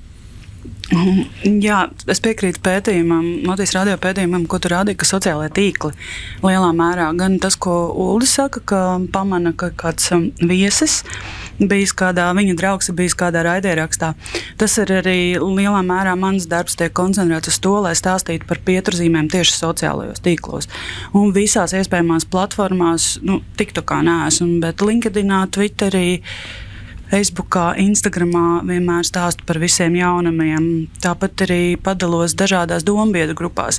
Piemēram, Facebookā ir skolotāju grupas vai grāmatnieku grupas, grāmatlasītāju grupas. Un, ja es jūtu, ka tā sērija varētu būt interesanta šīs grupas pārstāvjiem, tad es ar tādu ievadu to ielieku. Tā kā jā, sociālā tīkla pavisam noteikti. Um, viens no tādiem seniem padomiem, ko, ko atceros no kursiem un no grāmatām par raidierakstu veidošanu, bija stāstīt par to visiem. Un, iespējams, draugi, kur man klausās, šobrīd pasmaidīs, jo viņi zina, ka es tiešām nu, visiem vienmēr stāstu, ka pirmkārt, gan ka man ir raidieraksts, gan par citiem raidierakstiem, ko es esmu atklājusi. Un es pieļauju, man... ka bieži vien jau ir arī jāpastāsta, kas tas raidieraksts ir tāds vai ne? Vairs, nu, vairs manam nē, vairs nē, bet sākumā tiešām vajadzēja. Sākumā bija arī skepse pat no draugu puses. Un, Un katru reizi, kad kāds draugs sāk klausīties, tad man tāds nu, liels prieks par to ir. Bet nav tā, ka es tikai staigāju apkārt un saku, klausieties pieturzīmes. Es pati klausos ļoti daudz raidierakstu, un es mēdzu ieteikt arī, arī daudz ko citu. Tas mm. nav tikai. Tā kā, jā, nu, tie ir laikam tādi būtiskākie. Un, protams, lūgt Un tā kā man ir interviju raidījumi, kas atšķirībā piemēram, no diskusiju raidījumiem, vai piemēram bija vaļā, kur ir nemainīgi vadītāji, interviju raidījumu priekšrocība tas, ka tu vari vienmēr lūgt viesi iesaistīt viņa sociālos tīklus. Tas palielina šo redzamību. Es eh, viens jautājums. Es par Pietru zīmēm pirmo reizi uzzināju tādā sen aizmirstā sociālā tīklā kā Clubhouse, kurus, starp citu, es esmu viens no retajiem, kurš prognozēja, ka sākoties tumšajam laikam tas būs atpakaļ. Vai, vai bija kaut kāda manāms kaut kāds apmeklētāju nu, pieaugums, tad, kad pavasarī visi sēdēja Clubhouse un, un pat, pat, pat ieraksti notika tiešraidē Clubhouse vidē? Um, Jā, man jāsaka, ka bija tās dažas diskusijas, un tas viens ieraksts, ko es veidoju, noteikti palīdzēja redzamībai. Es gan neturpināju aktīvi darboties Clubhouse. Neviens neturpināja. Jā, nu neviens taisnība. bet, bet noteikti bija, jo īpaši pēc tam, kad mēģinājām šo sēriju ar Reini Piziku ierakstīt tiešraidē, tā bija laba pieredze, un es pēc tam redzēju arī statistikā iz, izmaiņas. Vēl viena lieta par dzīvo ir, Dāvi, jūs ar Bīzi ierakstījāt arī epizodes dzīvojā ar, ar publiku klātienē. Divas vai ne? Manuprāt, jums Jā, pat ir bijušas. Pagaidām mums ir bijušas divas pandēmijas, tos plānus tālāk ir mazliet mazliet pa, pa, pajaukus, bet nu, uz tiem pasākumiem gar nāca tāda izteikti tad, nu, tas, tas ciešākais klausītāju lokus. Un es pieņemu, ka nu, viens mums bija bezmaksas pasākums, un viens mums bija ar biļetēm. Nu, tur, kur bija ar biļetēm, es domāju, ka tāds, kurš nav klausījies īsti, varbūt neatnāca, bet tajā reizē, kad mums bija bezmaksas, nu, es domāju, ka tur visticamāk arī kāds cilvēks draugu, kādu draugu atvilka līdzi, kurš pēc tam arī var, varbūt sāk klausīties. Mm. Es ļoti gaidu, kad pāļa bazars būs dzīvajā ar publiku. Un, un visiem būs nopietni komplekti. un visa publika būs uz vienu viļņu. Ar... Tagad džēzus koncertos pie galdiņa sēž visiem galdiņā šodien. Filipa, Filipa Del, nu, Delfiem droši vien ir tā priekšrocība, ka jums ir nu, milzīga populāra platforma pašiem jau kā portāls populārs vai ne, kur, kur virzīt šo saturu. Jā, nu, to es jau, man liekas, jau izstāstīju. Mm. Tas noteikti ir, bet uh, soci, pilnībā piekrītu, ka sociālajā tīklā ir uh, numur divi. Mēs liekam gan uh, Facebook, gan uh, Twitterī, gan TikTokā, mēdzam arī fragmentus ielikt. TikTokā ir diezgan liela sekotāja bāze un mēģināt maksimāli daudz, kur izšķaidīt to, ko jūs izteicāt, lieciet visur, kur var ielikt.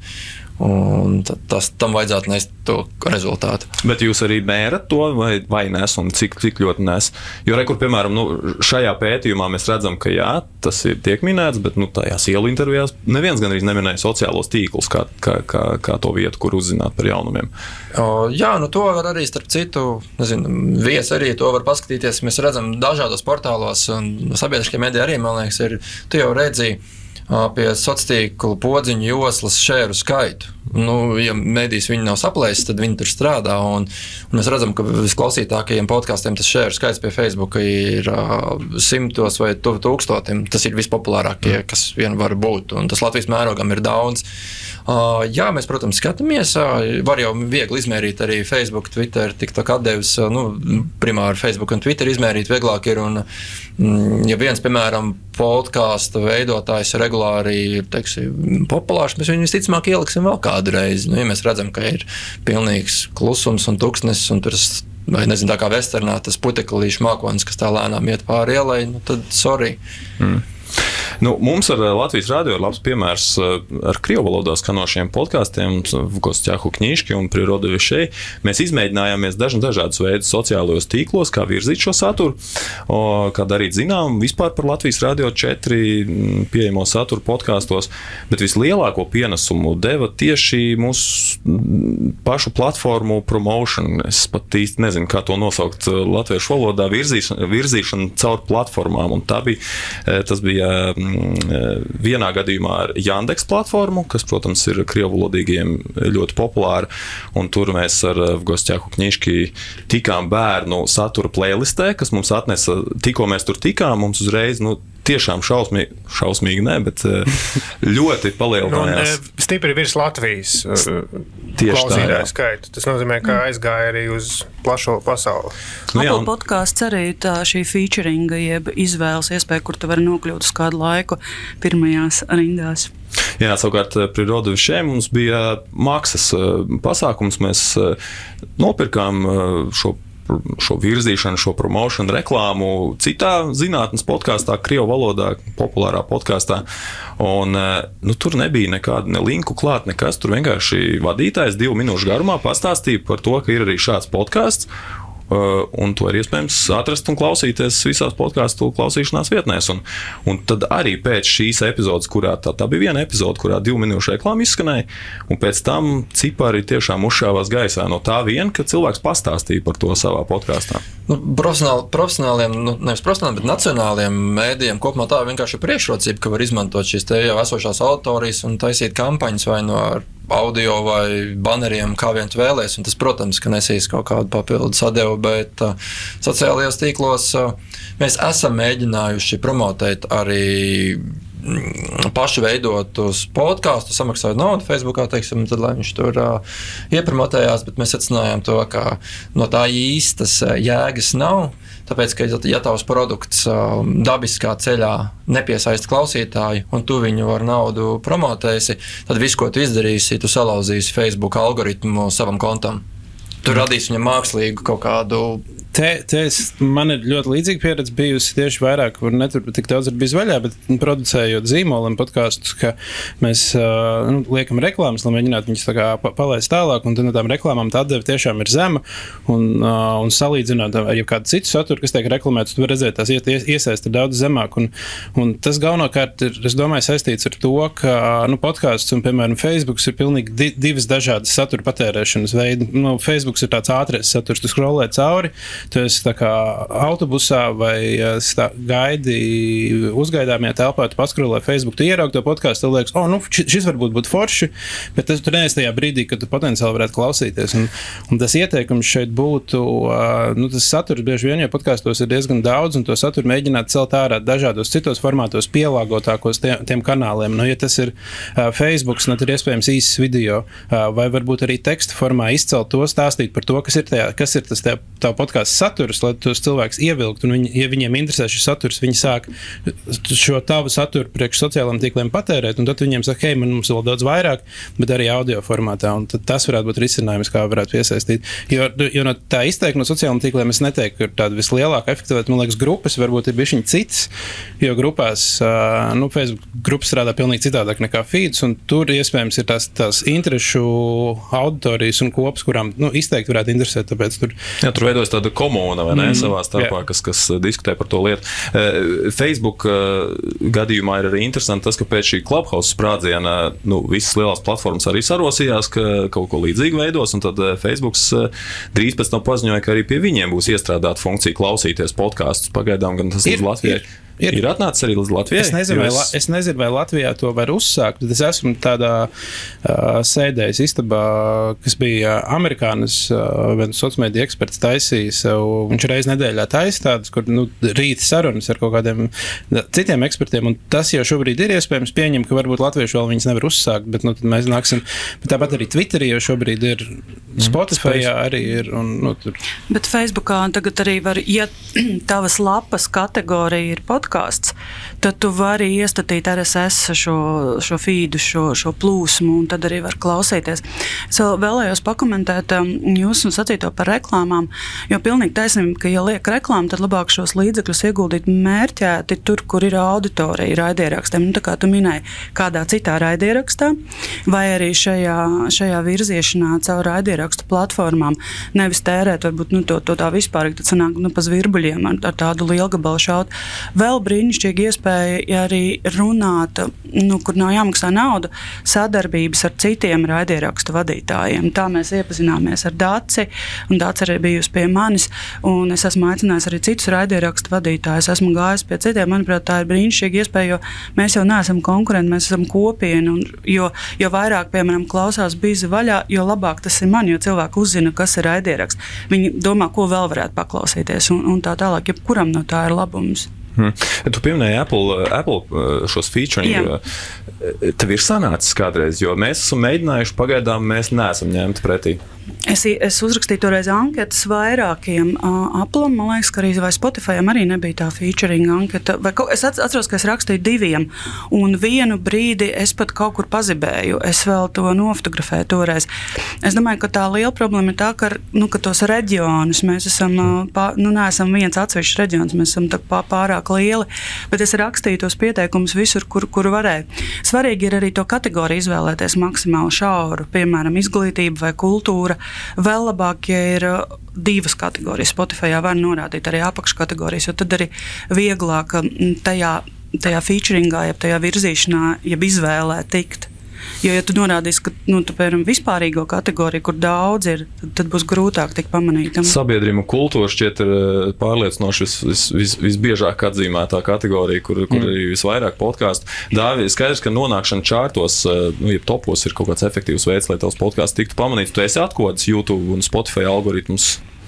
Uh, galvenokārt, es domāju, tas pats būt uh, regulāram un biežam. Un, uh, un tad, uh, tu, ja, jo tie topi gan Apple podkastos, gan, uh, gan Spotify, tie topi bišķi nesaprotami ir. Es nekad īsti nesapratu, kā viņi strādā, jo kaut kādos brīžos, un tur Spotify mēs esam bijuši pirmajā vietā ar salīdzinoši maz klausījumiem, tad paiet kaut kāds pusgads, un tad mums ir četreiz vairāk klausījumu, un, uh, un mums, uh, mēs esam zemāk kaut kur topā. Manuprāt, jūnijā vai, vai vēlā pavasarī Spotify izziņo šīs pārmaiņas par saviem topiem. Viņi šobrīd veido topu, ņemot vērā pēdējā laika klausījumus. Viņi gan nedefinē, ko nozīmē pēdējais laiks, un, eh, un jaunus eh, eh, abonentus, jaunu, jaunu sekotāju Mhm. skaitu. Attiecīgi, kaut kādā laika posmā viņi paņem to, un tie ir tie Jā. topā iekļuvušie. Bet uh, arī, nu, te, te, lai autori piesaistītu, un stop arī diezgan daudz strādājuši. Es, nu, es, es esmu cilvēkiem arī jautājis, kā jūs uzzinājāt, un arī diezgan regulāri cilvēki saka, nu, es tur gāju, skatījos, kas Latvijā topā ir, un tad ieraudzīju tos, paklausījos, iepatikās. Uh, tā kā, jā, nu, tur, nu, man, man tā labākā formula būtu būt vienkārši būt regulāram un uh, visu laiku darīt, un tad jau nāks. Un uh, dalīties, laikot un, eh, un, un, un ieteikt jā, citiem. Nu, nosaukums droši vien ir svarīgs, jo, jo nu, bizi vaļā ir nu, catchy, nu, tāds uzmanību piesaistošs. Tur jauno dāmu izveidoties meiteņu to, un liekas, arī nosaukums ir jau pusi uzvaras. Nu, Jā. Jā, tas noteikti. Jā. Nu, jo sarunas par dzīvi varētu būt podkāsts, kas. Uh, Internetā kaut kas, kaut kas internetā. Jā. Protams, vēl viens virziens, kā mēdījiem, kādam lielam mēdījam, ir savas platformas izveidošana. Mm, Latvijas rādio šobrīd turpina darbu pie savas aplikācijas izveides, kur būs iespējams klausīties audio saturu pēc pieprasījuma. Nu, pasaules praksē ir ir dažādi, ir gan veiksmīgāki, gan mazāk veiksmīgi. Piemēram, BBC Sounds eh, Reuters eh, pētījumā pagājušā gada gan eh, bija populārākā apvienotajā karalistē aplikācija pat virs Apple un Spotify.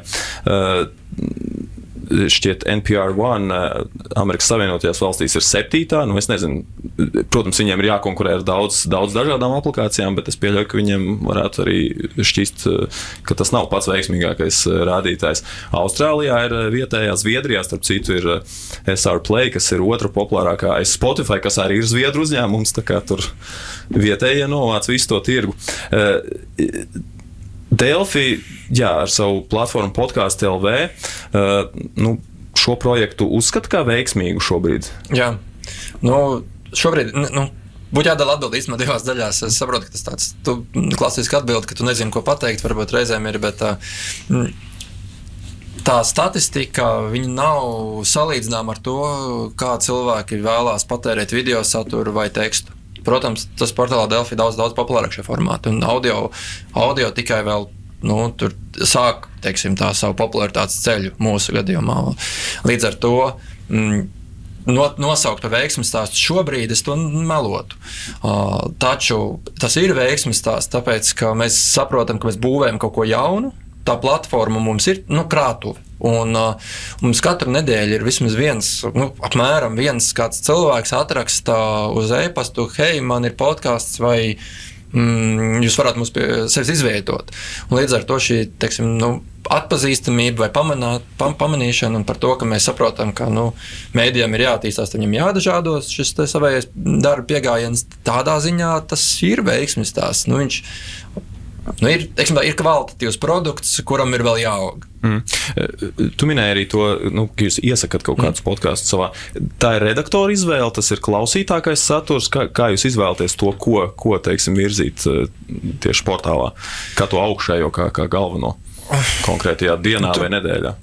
Teiksim tā, nu mēs. Uh, parasti mēģinām paklausīties, vai pirmkārt, vai tam cilvēkam ir šis produkts. Jo ļoti daudz ir uzraksts, ka viņš gribētu, bet pēc tam nekad vairs neatnāk pie mums. Jau viņam patīk ideja, kāds izklausās, ka man ir podkāsts, bet viņi neuzstājas. neuzstājas. Un, un otrkārt, mēs skatāmies arī, vai tas ir tā, ka to cilvēku ausis vispār spēj izturēt. Nu, teiksim, nu, šeit es nerunāju par kaut kādām nu, ļoti smalkām skaņu, skaņas līmeņošanas detaļām, bet Nu, vai vispār var dzirdēt, ko tur runā? Vai tur nav arī pa baronu ielu, tu vari dzirdēt to, kas tur skan ausīs. Tas, jā, ir mans, tas, ma, tas ir mans atskaites punkts. Tas, ir, nu, tas, protams, atkarīgs arī no tā, vai te, kāds tev ir austiņas, bet uh, Arī, nu, ja tur būs ļoti regulāra, necenzēta naida, necenzēta valoda, vēl kaut kādos brīžos cauri, teiksim, tā šobrīd tas tā ir. Nu, viņi nav bieži, bet viņi ir.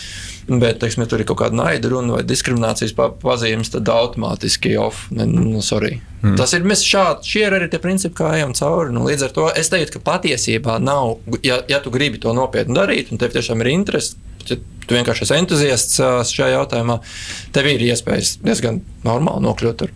Mm. Uldi, tu esi uzticīgs vienai platformai, vai tu arī atkarībā, jo, jo ir jau podkāsts, kas nu, ir ekskluzīvi pieejami vienā vai otrā vai citā platformā? Taisnība, es nesen iegādājos uh, Rikija Žervēs to podkāstu pirmo daļu, kur, ko viņš izveidoja kopā ar tādu gudru vīru vārdā Sam Harris. Viņi uztaisīja mm, podkāstu, maksāja, man šķiet, pirmā sezona 12 eiro. Tu vienkārši dabū linkus visur. Un tad es tos linkus visur sakopēju, un, un to es nezinu, kāpēc klausos Spotify. Jo kaut kā man patīk, ka viņš tur. Es nevaru pateikt, kāpēc. Jo Apple ar, ar savu kaut kādā veidā Apple daudz vairāk uh, dara to. Nu, to abonēšu, abonēto podkāstu bēršanu man virsū teiksim, ja, ja es zinu, ka es ieeju Spotify, man viņš vienmēr būs tas jau sen iegādātais podkāsts, būs vienmēr pašā augšā, kamēr ieejot Apple aplikācijā, man tur sabirst visi jaunie un viss, un, un nu, viņi ir mazliet tādi. Bet, bet tā kopumā man, man patīk caur, caur Apple klausīties, jo vienkārši ērti, nezinu, pulkstenī patīk uz priekšu atpakaļ, ko gan ļauj arī Spotify, bet nezinu, man Spotify. Tas ir pieredums arī droši vien kaut kādā ziņā. Jā. Bet, bet, bet, principā, jā, es, es turos pie tā, kas man ir telefonā. Jā, un sarunas noslēgumā es vēlos piedāvāt eh, viedokli un skatījumu no Dinas Ņūmens. Eh, viņa ir apbalvota BBC radio žurnāliste. Eh, pēdējos gados vairāk nodarbojas ar mēdīju konsultācijām, un tostarp konsultējusi arī Latvijas radio par, par podkāstu attīstības jautājumiem. Tagad varam paklausīties, kāds ir viņas skatījums uz to, kādā punktā šobrīd ir podkāsti Latvijā un Baltijā. You have to address each individual listener. You have to think precisely about what kind of per- person it is. Why are they listening to you? In particular, why now? And and you know you have to fight. And to be honest with you, we can learn a lot from some best writers in the world. For instance, so my favorite writer is Dostoevsky, and if you read his his novels. You will see he's fighting every page. He's fighting for your attention. He's not taking anyone for granted. He knows that you can drop uh, the book and forget about him any moment. And he's really working with you. He's explaining to you why you should carry on reading.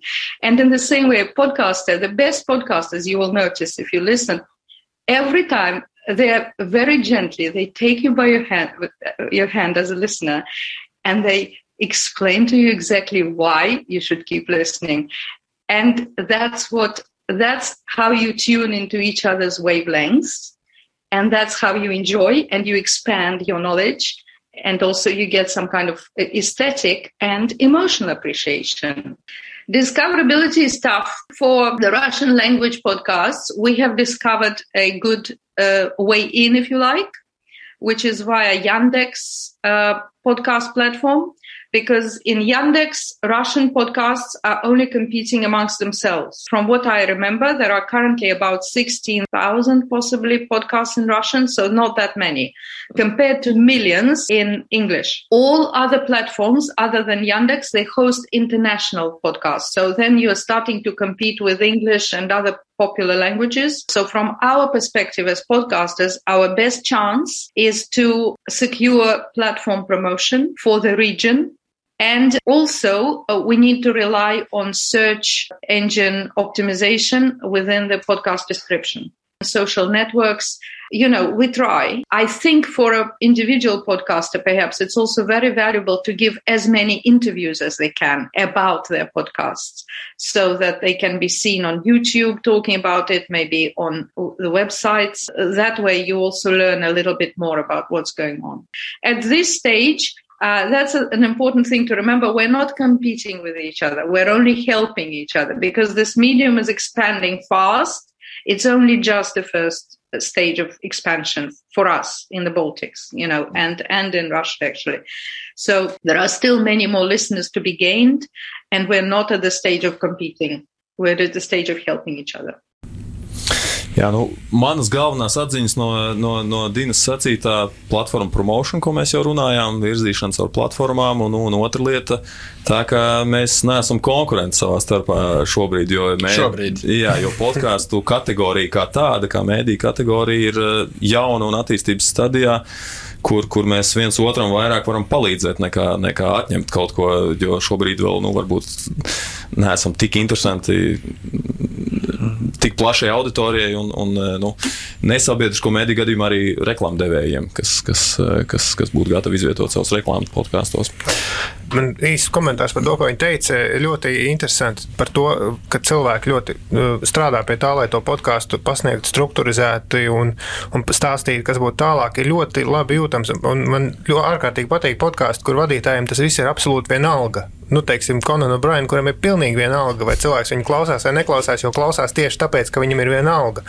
Un tad ir otra galējība, kas ir podkāstu veidotāji, kuri par, visbiežāk runā par kaut kādām personības attīstībām, kuri var redzēt, ka tas ir viņa darbs, jo viņš tiešām pirms katras sadaļas pastāsta. Tagad mēs runāsim to, un vēl, vēl ir tādi, kas pat saka, es tagad atkārtošu, mēs iemācījāmies to un to un to, un var just, ka viņš tiešām, ka tas ir viņa, nu, ka tas ir viņa darbs. Man labāk patīk tie, kam ir viena alga.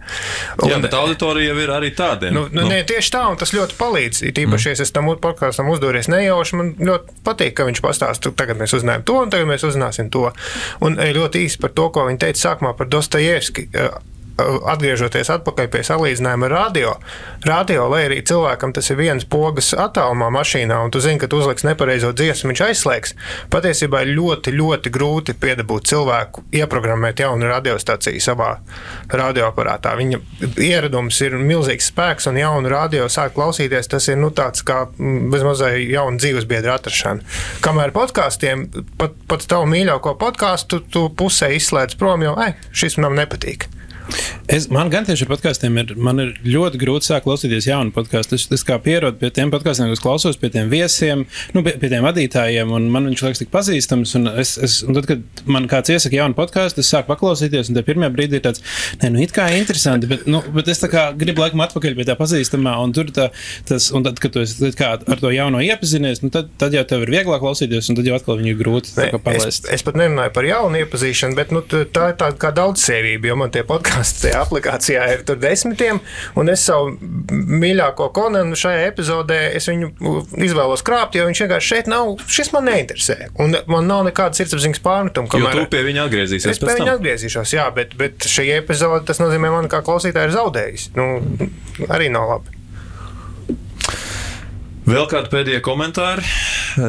Droši vien esam lielāko daļu izrunājuši, mēģinājuši izrunāt nekādu jaunu Ameriku, droši vien neesam atklājuši, bet ir uh, forši man šķiet tādā, tādā podkāstu veidotāju un klausītāju vidē, vidē saprast, kādā punktā mēs šobrīd esam un varbūt pēc pāris gadiem vai vairākiem gadiem atskatīties uz to. Izdosies nocapēt to klausītāju. jā, jā, jā, kā mums būs izdevies. Nu, un pašā noslēgumā pēc ilgas un nopietnas runāšanas mazliet atsveidzināsim mūsu sarunu ar spēli. Jā vai nē, spēlē jums katram uz galda ir nolikt divi karodziņi. Zaļā krāsā un sarkanā krāsā. Zaļais simbolizē jā, un sarkanais nē. Es uzdošu jums jautājumu, un jums tad būs jāpaceļ karodziņš. Nesteidzieties uzreiz ar atbildes sniegšanu. Es pastāstīšu arī tiem, kur mūs klausās, kādu karodziņu katrs no jums ir pacēlis. Tas nav audio draudzīgs formāts. nu, jā, tieši tā. Bet video skatītājiem mums jāpieviena kaut kā. Un tad Jā, kādam no jums arī noteikti pavaicāšu, pakomentēt sīkāk atbildēt uz, uz, uz uzdoto jautājumu. Sākam! Sākam! Šis ir raidnīcas bonus, šī ir raidnīcas bonus epizode starptautiskajā podkāstu dienā, un mēs spēlējam jā vai nē spēli. Pirmais jautājums. Vai esi kādam iemācījis klausīties podkāstus? Tātad trīs jā, un Filips pagaidām vēl vismaz nav nevienam iemācījis klausīties. Aiga, kam tu esi iemācījis klausīties podkāstus? Nu, noteikti vairākiem draugiem, studentiem. Dāvi. Man liekas, ļoti daudz cilvēkiem. Kā, tad, kad, tad, kad es atklāju podkāstu un sāku, tad es līdzīgi ar visiem runāju. Vienmēr visās balītēs.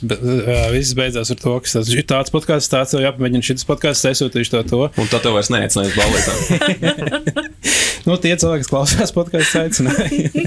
jā, ir tāds dzīves posms, kad tu vienkārši, lai kādu tēmu runātu, jā, es par šo vienu podkāstu dzirdēju. Ulu, kam tu esi iemācījis? Arī daudziem, gan, gan no mūziķiem, bet, bet pārsvarā tas viss ir par kaut kādām konkrētām tēmām. Es zinu, ka tam cilvēkam interesē Foo Fighters, un es saku, ka rekur ir Dave Grohl fantastiska intervija, kādu tu nekur citur nedabūsi. Saka, kur to var dzirdēt? Podkāst. Kas ir podkāsts? nu, tā apmēram. Mm, jā. Otrais jautājums. Vai jebkad esi klausījies podkāstu darba laikā? Nu, šeit ir četri Jā, Filip, šoreiz arī tu esi atbildējis. Jā, un šķiet, jau pašā, pašā sarunas sākumā tu pieminēji, ka klausies podkāstus arī darba laikā. Uh, jā, jā, jā, es mēdzu īpaši. Nu, tas ir atkarīgs ļoti no tā konkrētā darba uzdevuma, kas tev redakcijā, piemēram, ir. Un, nu, ir tā darba uzdevuma, kur tev netraucē. Nu, man arī netraucē vispār trokšņaini, teiksim, open office uh, vide, vai arī man tas patiesībā pat palīdz reizēm koncentrēties kaut kādos uzdevumos. Bet uzmanību jādala dažreiz. Viņi jādala. Es neteikšu, ka tā ir tāda regulāra praksa. Nu, es es uh, patiesībā daru diezgan klišejas lietu. Tur reizēm strādājot, vienkārši atrodu Spotify kaut kādu stadiju mūziku, vienalga kaut kādu ierakstu, lai tur nebūtu vārdu, un tad klausies. Bet reizēm vienkārši īpaši, ja tu kaut kur gatavojies kādam rakstam, vai, vai ja tu zini, ka tev man būs jārediģē raksts, piemēram, par Afganistānu, tad es mēģinu, tā kā es iepriekš teicu, mēģinu atrast, kas par Afganistānu vispār podkāstos ir, lai man tur tas video nebūtu vajadzīgs, lai man ir tikai austiņas, un es paralēli, teiksim, varu rakstu rediģēšanai, nezinu, kaut vai ejot pakaļ kafijai, man ir austiņas virsū, es viņu klausos. Hmm. Palīdz noskaņoties. Ejam tālāk. Ejam tālāk. Trešais jautājums. Vai ir kāds podkāsts, par ko tev ir kauns, ka tu klausies? Tiešām, četri nē. Nevienam nav kauns par to, ko jūs klausāties. Ka, ja, ja pacelt jā, tad būtu jāsaka, kurš tas ok, tā tad ir, bet uh, šoreiz nav. nu, nav. Nu, ir bijis tā, ka es sāku klausīties kādu, jo viņš man ir nopromotējis šo.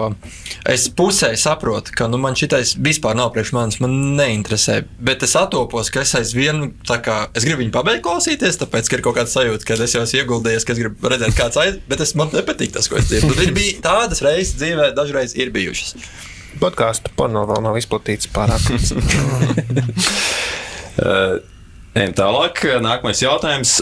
Vai jebkad esi sabiedriskā vietā sasmējies klausoties podkāstu? Trīs jā, un Filips atkal nē. Nu, ja darbs vai ja darbu var uzskatīt par uh, sabiedrisku vietu, tas jau tā kā mājas, principā, kur tu neesi. Bet, uh, Nu, šeit noteikti stāsti varētu būt arī interesanti. Regulāri. Staigājot pa ielu, pa parku, es tiešām regulāri sasmējos. Un tie pat nav, nu, noteikti tam nav jābūt kādiem komiķu veidotiem vai stand-upera veidotiem podkāstiem. Vienkārši ir, ir kaut kas smieklīgs un patiesi sirsnīgs vai kāda patiesa emocija vai kāda vārdspēle. Uldi. Es iesaku klausīties podkāstu Smartless, kur trīs aktieri lieliski vienkārši plāpā ar viesiem. Un, un starp citu, šo podkāstu nesen nopirka Amazon. Samaksāja man šķiet 80 miljonus, un darījums ir nu, ļoti dīvains, jo viss, ko Amazons dabūja, bija nedēļa ekskluzivitāte katrai epizodei, un pēc tam viņš ir visur. Bet uh, samaksāja ļoti lielu naudu. Un, un tajā, šajā podkāstā bija ciemos Stevens Colbert, kurš atriebās Konanam O'Brienam par iepriekš stāstītu stāstu, kā viņš ir uz kalna tur nokritis un, un kaut kas tur noticis. Un viņš stāsta, es vakar speciāli šo te klausījos vēlreiz, viņš stāsta veselu eposu par to, kā Konants ir braucis šajā liftā augšā, tad ieraudzījis lejā bērnu bariņu un nolēmis viņus aptaisīt, nu tā pieklājīgi sakot. Un viņš to stāsta tik nopietni un gari, viņš, un ar to gan arī tas podkāsts sākas. Iesaku uzmeklēt Smartless podkāstu. Dāvi, kādi tev ir bijuši gadījumi sasmējoties sabiedriskā vietā? Nu, visbiežāk tas ir kaut kur uz ielas ejot. Ir bijuši gadījumi, kad uz ielas ej, klausies kādu, komiķu podkāstu, un, un tad tā kā, tad tas smieklos izplūda. un Tad cilvēks skatās, nu, kas ar viņu notiek, kāpēc viņš tā smejas. Bet, nu, un tad tu tā kā mēģini kā savākties, bet nu, tas, ka tu jau pat, pats saproti, cik tu amizanti izskaties, tad to liekas vēl smieklīgāk. Un, uh, Ejam tālāk. Nākamais eh, varēja pajautāt arī vienkāršāk, kurš ir mīļākais podkāsts, bet es pajautāju nedaudz sarežģītāk. Vai ir kāds podkāsts, par ko tev skauž, ka nē, es to uztaisīšu? Tā tad šeit savukārt trīs jā, izņemot aigu, kurai, kurai neskauž ne par vienu. Nē, man tiešām neskauž. Man ir milzīgs prieks par visiem. Un, un es vēl domāju par šo jautājumu, vai nē, man tiešām nav. Un tas, ko, kuru vēl nav, es vienkārši viņu vēl neesmu uztaisījis pati. Jā, nu, tā arī var skatīties uz lietām. Filip, Nu, jā, es uh, klausos, man laikam top viens ir Karas Višers, kas ir tehnoloģija apskatniece Kalifornijā. Un, liekas, ka viņa mēdīja tehnoloģijām un tehnoloģiju biznesu. Man liekas, katru reizi klausos, man liekas, bāc, kāpēc es to neizdomāju. Es varēju šī tā paņemt, bet nu, viņi, protams, ir leģendāri un tur var tikai sapņot. Tā. Dāvi. Man tāds nu, tiešām sirdī tūs podkāsts ir BBC radio veidots podkāsts Tunnel 29, kas ir tas tādas, ir desmit, desmit epizodes, katra epizode apmēram 15 minūšu gara, nu, ļoti augstā līmenī producēts ar skaņu efektiem par stāstu, kā Berlīnas siena, kad uz, uzbūvēja kā cilvēku grupa izraka tuneli zem Berlīnas sienas, lai no austrumiem cilvēks dabūtu uz rietumiem. Un tur tajās desmit epizodēs tas stāsts ir izstāstīts tā, ka es staigāju apkārt un es domāju, nu šis ir, nu, tā kā tas pat nav, tas vairs tā ir dokumentālā filma, kaut kas pat vairāk nekā ti- tikai podkāsts. Un, un kaut kas tāds, man liekas, Latvijas podkāstu scēnē noteikti pietrūkst. Kā to sauc? Tunnel 29. Tas ir principā audio grāmatu podkāstu formā. No Nu, audio grāmatas Tā kā narratīvais. Jā, tur Kā- to, to, to sauc par narratīvu podkāstu. Ir, ir narratīvas stāstītājs, ir intervijas, ir aktieri, ir skaņa efekti, kā cilvēks soļo. Ja viņi roka, tad tev, viņi stāsta, kā roka, tad tur ir skaņa efekti. Kā, nu, tur ir uzbūvēts tā, nu, kā, ko tiešām var nevis podkāsters Tas uztaisīt, bet rādio. dokumentālais radioteātris kaut kas tāds. Nu, jā, jā tas, tas varētu būt ā, tajā līmenī. Uldī, par kuras podkāstu tev skauž? Tā kā man nav neviena sava, tad es varētu teikt, ka visi, bet, bet eh, es eh, noteikti šajā sarunā gribēju pieminēt vienu no maniem mīļākajiem podkāstiem, kur, pie kuras atgriežos diezgan reti, bet tad, kad atgriežos, tad ie- iestigu uz daudzām epizodēm. Be- Beautiful Stories from Anonymous People, brīnišķīgi stāsti no anonīmiem cilvēkiem. To veido viens eh, Tāds puslīdz slavens aktieris uh, un stand-up komiķis, uh, kuru vārdu es neatceros, bet uh, viņa formāts ir tāds, viņš publicē Twitterī telefonu numuru, uz kuru viss viņa fanu bāze tajā brīdī var zvanīt. Tas numurs ir tieši tajā brīdī, kad publicēts, tad ir jāzvana. Un Kāds no visiem šiem tūkstošiem viņu sazvana? Šim uh, kādam cilvēkam ir noteikums, viņš nedrīkst atklāt savu vārdu, uh, nedrīkst atklāt, kas viņš tāds ir. Visam jānotiek anonīmi, un uh, stundu ir apsolīts, ka ne, netiks nolikt klausuli. Stundu šai sarunai ir jāturpinās. Man šķiet, ka kaut kā 300 epizodu laikā ir bijis tikai viena reize, kad tā saruna ir pārtraukusi, bet ir sarunas, kuras turpinās vēl tur otrā, trešā, ceturtā sērijā. Viņi atgriežas, jo, piemēram, kāda dāma, kura piezvanīja, esot ceļā uz cietumu, kurā viņi iet uz kaut kādiem gadiem, nu, labprātīgi par kaut kādiem finanšu noziegumiem, un pēc tam viņi pēc tam piezvanīja, pastāstīt, kā viņai cietumā iet. Nu, stāsti ir tur neticami, no, sākot no, no, no, no, no piemēram, nesen bija cilvēks, kurš aizgāja no darba oficiālā, lai tirgotu arbaletus. nu, nu, un tā tālāk. Un tas vadītājs arī ļoti labi prot izspiest ārā nu, tādus stāstus no katra. Kāds bija nosaukums? Uh, beautiful stories from anonymous people. Ok, nu, iespējams par arbaletiem nākamais jautājums. Eh, Vai tu klausies kādu specifiskas nišas podkāstu? Un mums atkal ir četri jā. Nu, droši vien raigu sāksim šoreiz. Jā, es klausos ļoti daudz valodu un valodniecības raidierakstu. Pārsvarā angļu valodā vai krievu valodā. Un, um, mani arī interesē ļoti publiskās runas un tulkošanas raidieraksti. Tu kā ir iet, ietekmējies un iedvesmojies savam saturam, ko radīt no tā, vai, vai tas ir vienkārši tavās profesionālo zināšanu paplašināšanai? Ā, Drīzāk tas ir zināšanu paplašināšanai, lai gan, lai gan ir idejas, jā, kuras, kuras arī pēc tam īstenoju pati. Bet lielākoties tas man pašai palīdz pilnveidot zināšanas. Filipa, tehnoloģija podkāsts ir tā niša vai Mēdīja, mēdīja biznesa, mēdīja tehnoloģijas. Tur tīri, nu, lai sekot līdzi, kas notiek pasaulē, lai mēs šeit nepaliktu tādā Latvijas mm, vidē tikai. Mm -hmm. Nu, nu man nu, līdzīgi jau kā visiem, tas ir tā profesionālā joma, tā kā es darbojos mārketingā, reklāmā, tad nu, bieži vien klausos arī mārketinga rekl mārketinga reklāmas podkāstus. Arī tā diezgan patīk filozofija, tāpēc arī kaut kādas filozofijas podkāstus paklausos. Nu, tā, man liekas, podkāsts jau pārsvarā ir specifisks tēmas un specifisks nišas. Nu, tas man liekas, tas podkāsts skaistums, ka tu vari taisīt par ļoti kaut kādu nišu podkāstu un, un, un piesaistīt au- auditoriju tieši nišai. Un tad droši vien mēs eh, saskaramies atkal.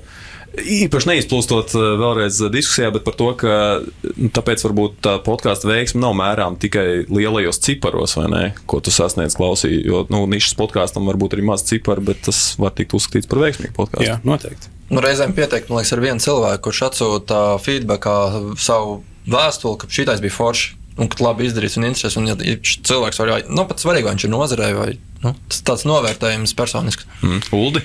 Man ir tāda dīvaina aizraušanās ar uh, Holivudas uh, seriālu un filmu aizkulisēm. Operatori, scenārija autori un viss.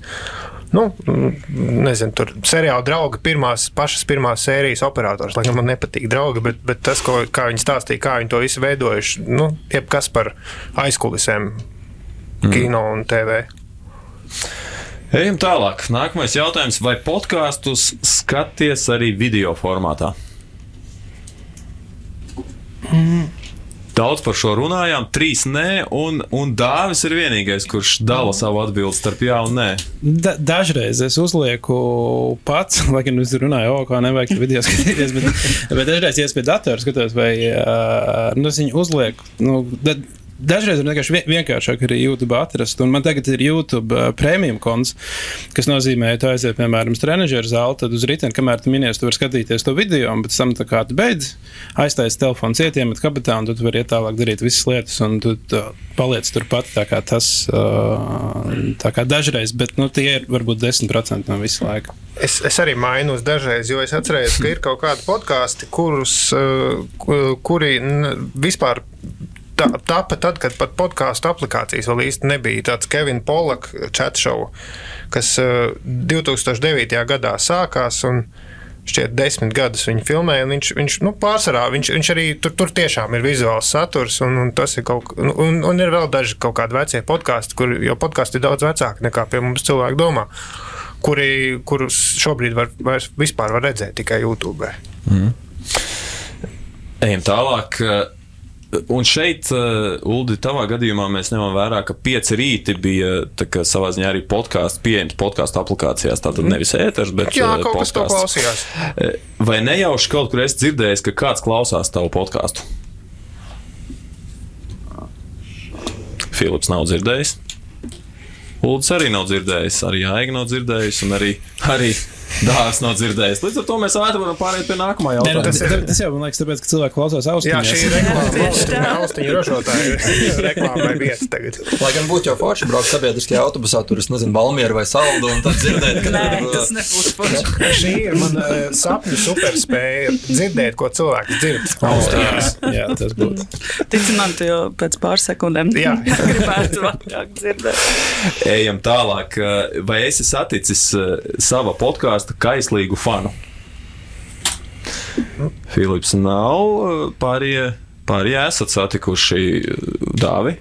Nu, tev bija laiva pasākumi, kuros droši vien Jā, daudz kaislīgu fanu bet, uh, patiesībā tas ir diezgan interesanti. Bet, nu, diezgan regulāri uz ielas pienāk cilvēki klāt. Saka, o, super, ļoti patīk podkāsts, turpiniet taisīt podkāstu.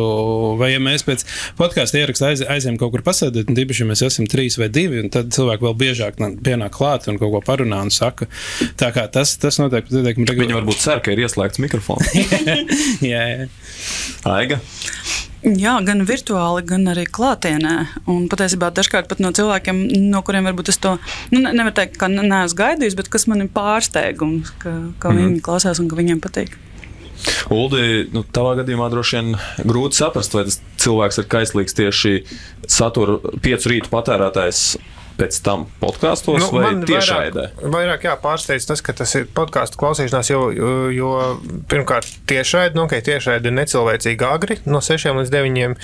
Bet uh, mums bija tāda mājaslapa, kur tas redzējums griezās visu, visu diennakti līdz nākamajam rītam uz rīņķi. 3 stundas, 3 stundas, 3 stundas, 3 stundas. Tāpēc man vienmēr pārsteidz, ka kā cilvēki vispār līdz tam podkāstam ir nokļuvuši, jo mēs gadiem ilgi esam reklamējuši šo te at, atkal klausīšanās vietni. Bet, mm. bet jā, nu, tas ir jauki vienmēr, ka kāds pienāk. Priekšpēdējais jautājums. dažus. Varbūt tu gribi pastāstīt Nē, par šiem dažiem. Eh, Priekšpēdējais jautājums. Vai podkāsti būs 2071. gadā? Gaidām vēl Lūda atbildi. Un ļoti interesanti. Trīs nē, un tikai Aiga saka, ka jā, Aiga, kāpēc tev ir optimisms par šo? Nu, man nav pamata domāt, ka audio formāts un podkāstu formāts kaut kur pazudīs. Audio ir visvizuālākais mm, formāts un galu galā stāstniecība un stāstu stāstīšana mums ir bijusi jau kopš nu, izseniem laikiem. Un tāpēc es domāju, ka, ka kāpēc ne? Turklāt tas ļauj izpausties nišām. Tas, kas nebūs pieejams citos kanālos, tu vienmēr varēsi, vai kāds cits vienmēr par to varēs izveidot raidierakstu. Filip, kāpēc pēc 50 gadiem, tavuprāt, nebūs podkāsts? Nu, mēs šeit sarunas sākumā varējām vienoties par kaut kādu aptverumu definīciju, kas ir podkāsts. Pēc šobrīd jau gada laikā tehnoloģijas mainās, tehnoloģija tendences mainās. Pēc 50 gadiem droši vien būs kāds produkts, kas ir izsnēmums, kas runā par kurā runā, kurā ir kāds audio elementi, bet vai tas būs podkāsts, kā tas būs, es stipri šaubos, tas jau būs cita terminoloģija, cita, cita veida produkts, manuprāt.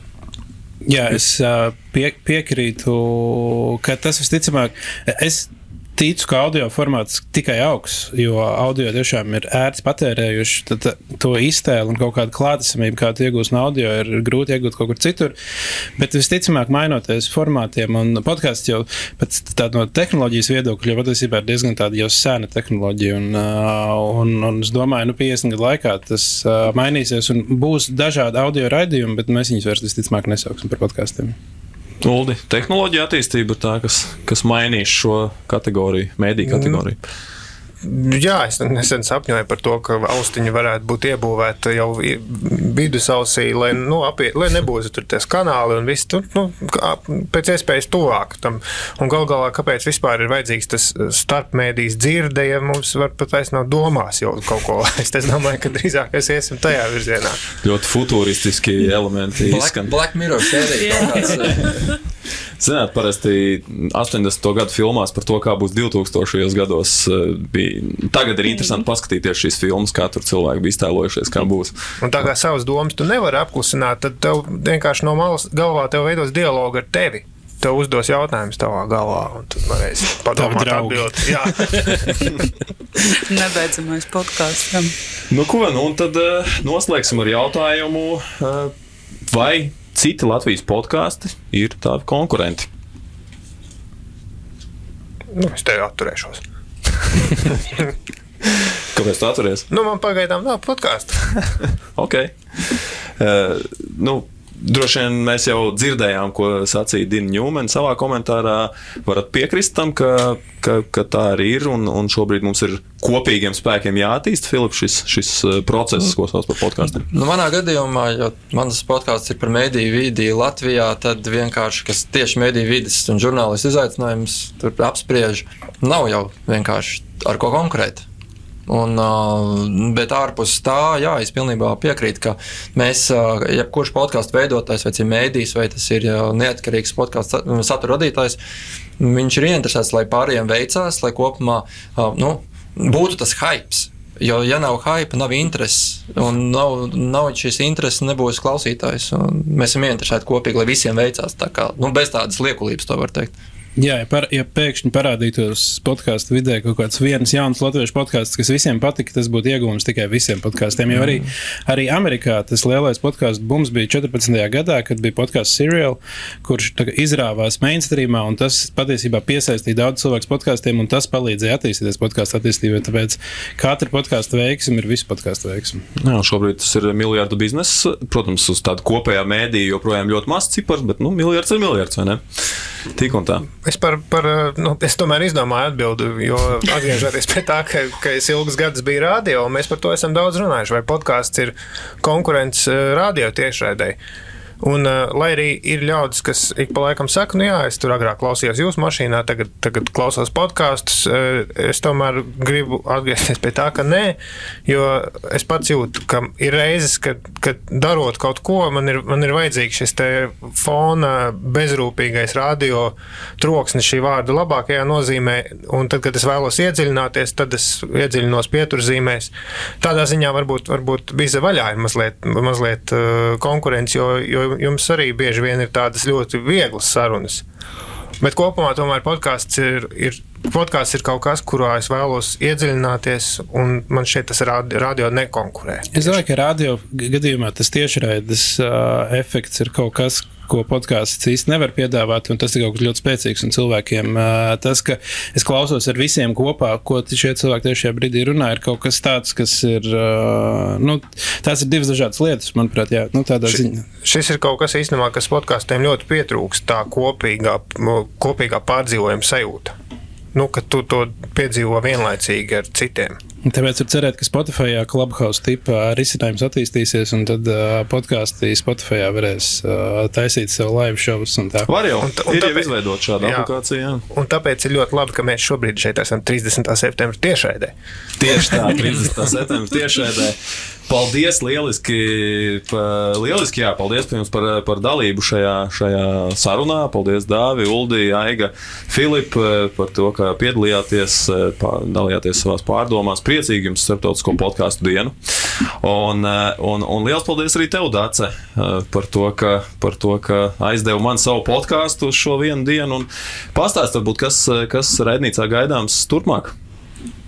Jā, es iedvesmojos no šīs uh, tiešraides un esmu aicinājusi nākamajā epizodē Denisu Ševiļovu no Tirgziņu tērzēm, lai turpinātu sarunu par podkāstiem un mārketingu, raidierakstu tirgvadību. Jā, Iga man neizlabos. Jā, bet paldies, bija ļoti interesanti saruna un redzēt, protams, jūs svaigā arī. Jā, tātad raidnīca katru otrdienu, agri no rīta jau ir publicēta jauna epizode ar kādu Latvijā, Latvijā podkāstu veidojošu podkāstu vadītāju. Paldies arī jums, skatītāji, un arī klausītāji, mm, ka bijāt kopā ar mums. Ceram, ka bija interesanta saruna un, un noderīga. Sveicu arī katru vienu no jums šajā podkāstu starptautiskajā dienā, jeb starptautiskajā podkāstu dienā. Klausieties podkāstus, aiciniet to darīt arī saviem draugiem, kā mēs noskaidrojām, tas ir būtiski, lai, lai visa, visa šī podkāstu industrija turpinātu augt. Iesakiet un iemāciet podkāstus klausīties arī no saviem draugiem, vecākiem, varbūt arī vecākiem. Noteikti nospiediet arī pogu sekot, arī tas palīdzēs jebkuram podkāstam, kur jūs klausieties. Un, jā, paldies jums visiem vēlreiz par dalību. Весело. Весело. Весело.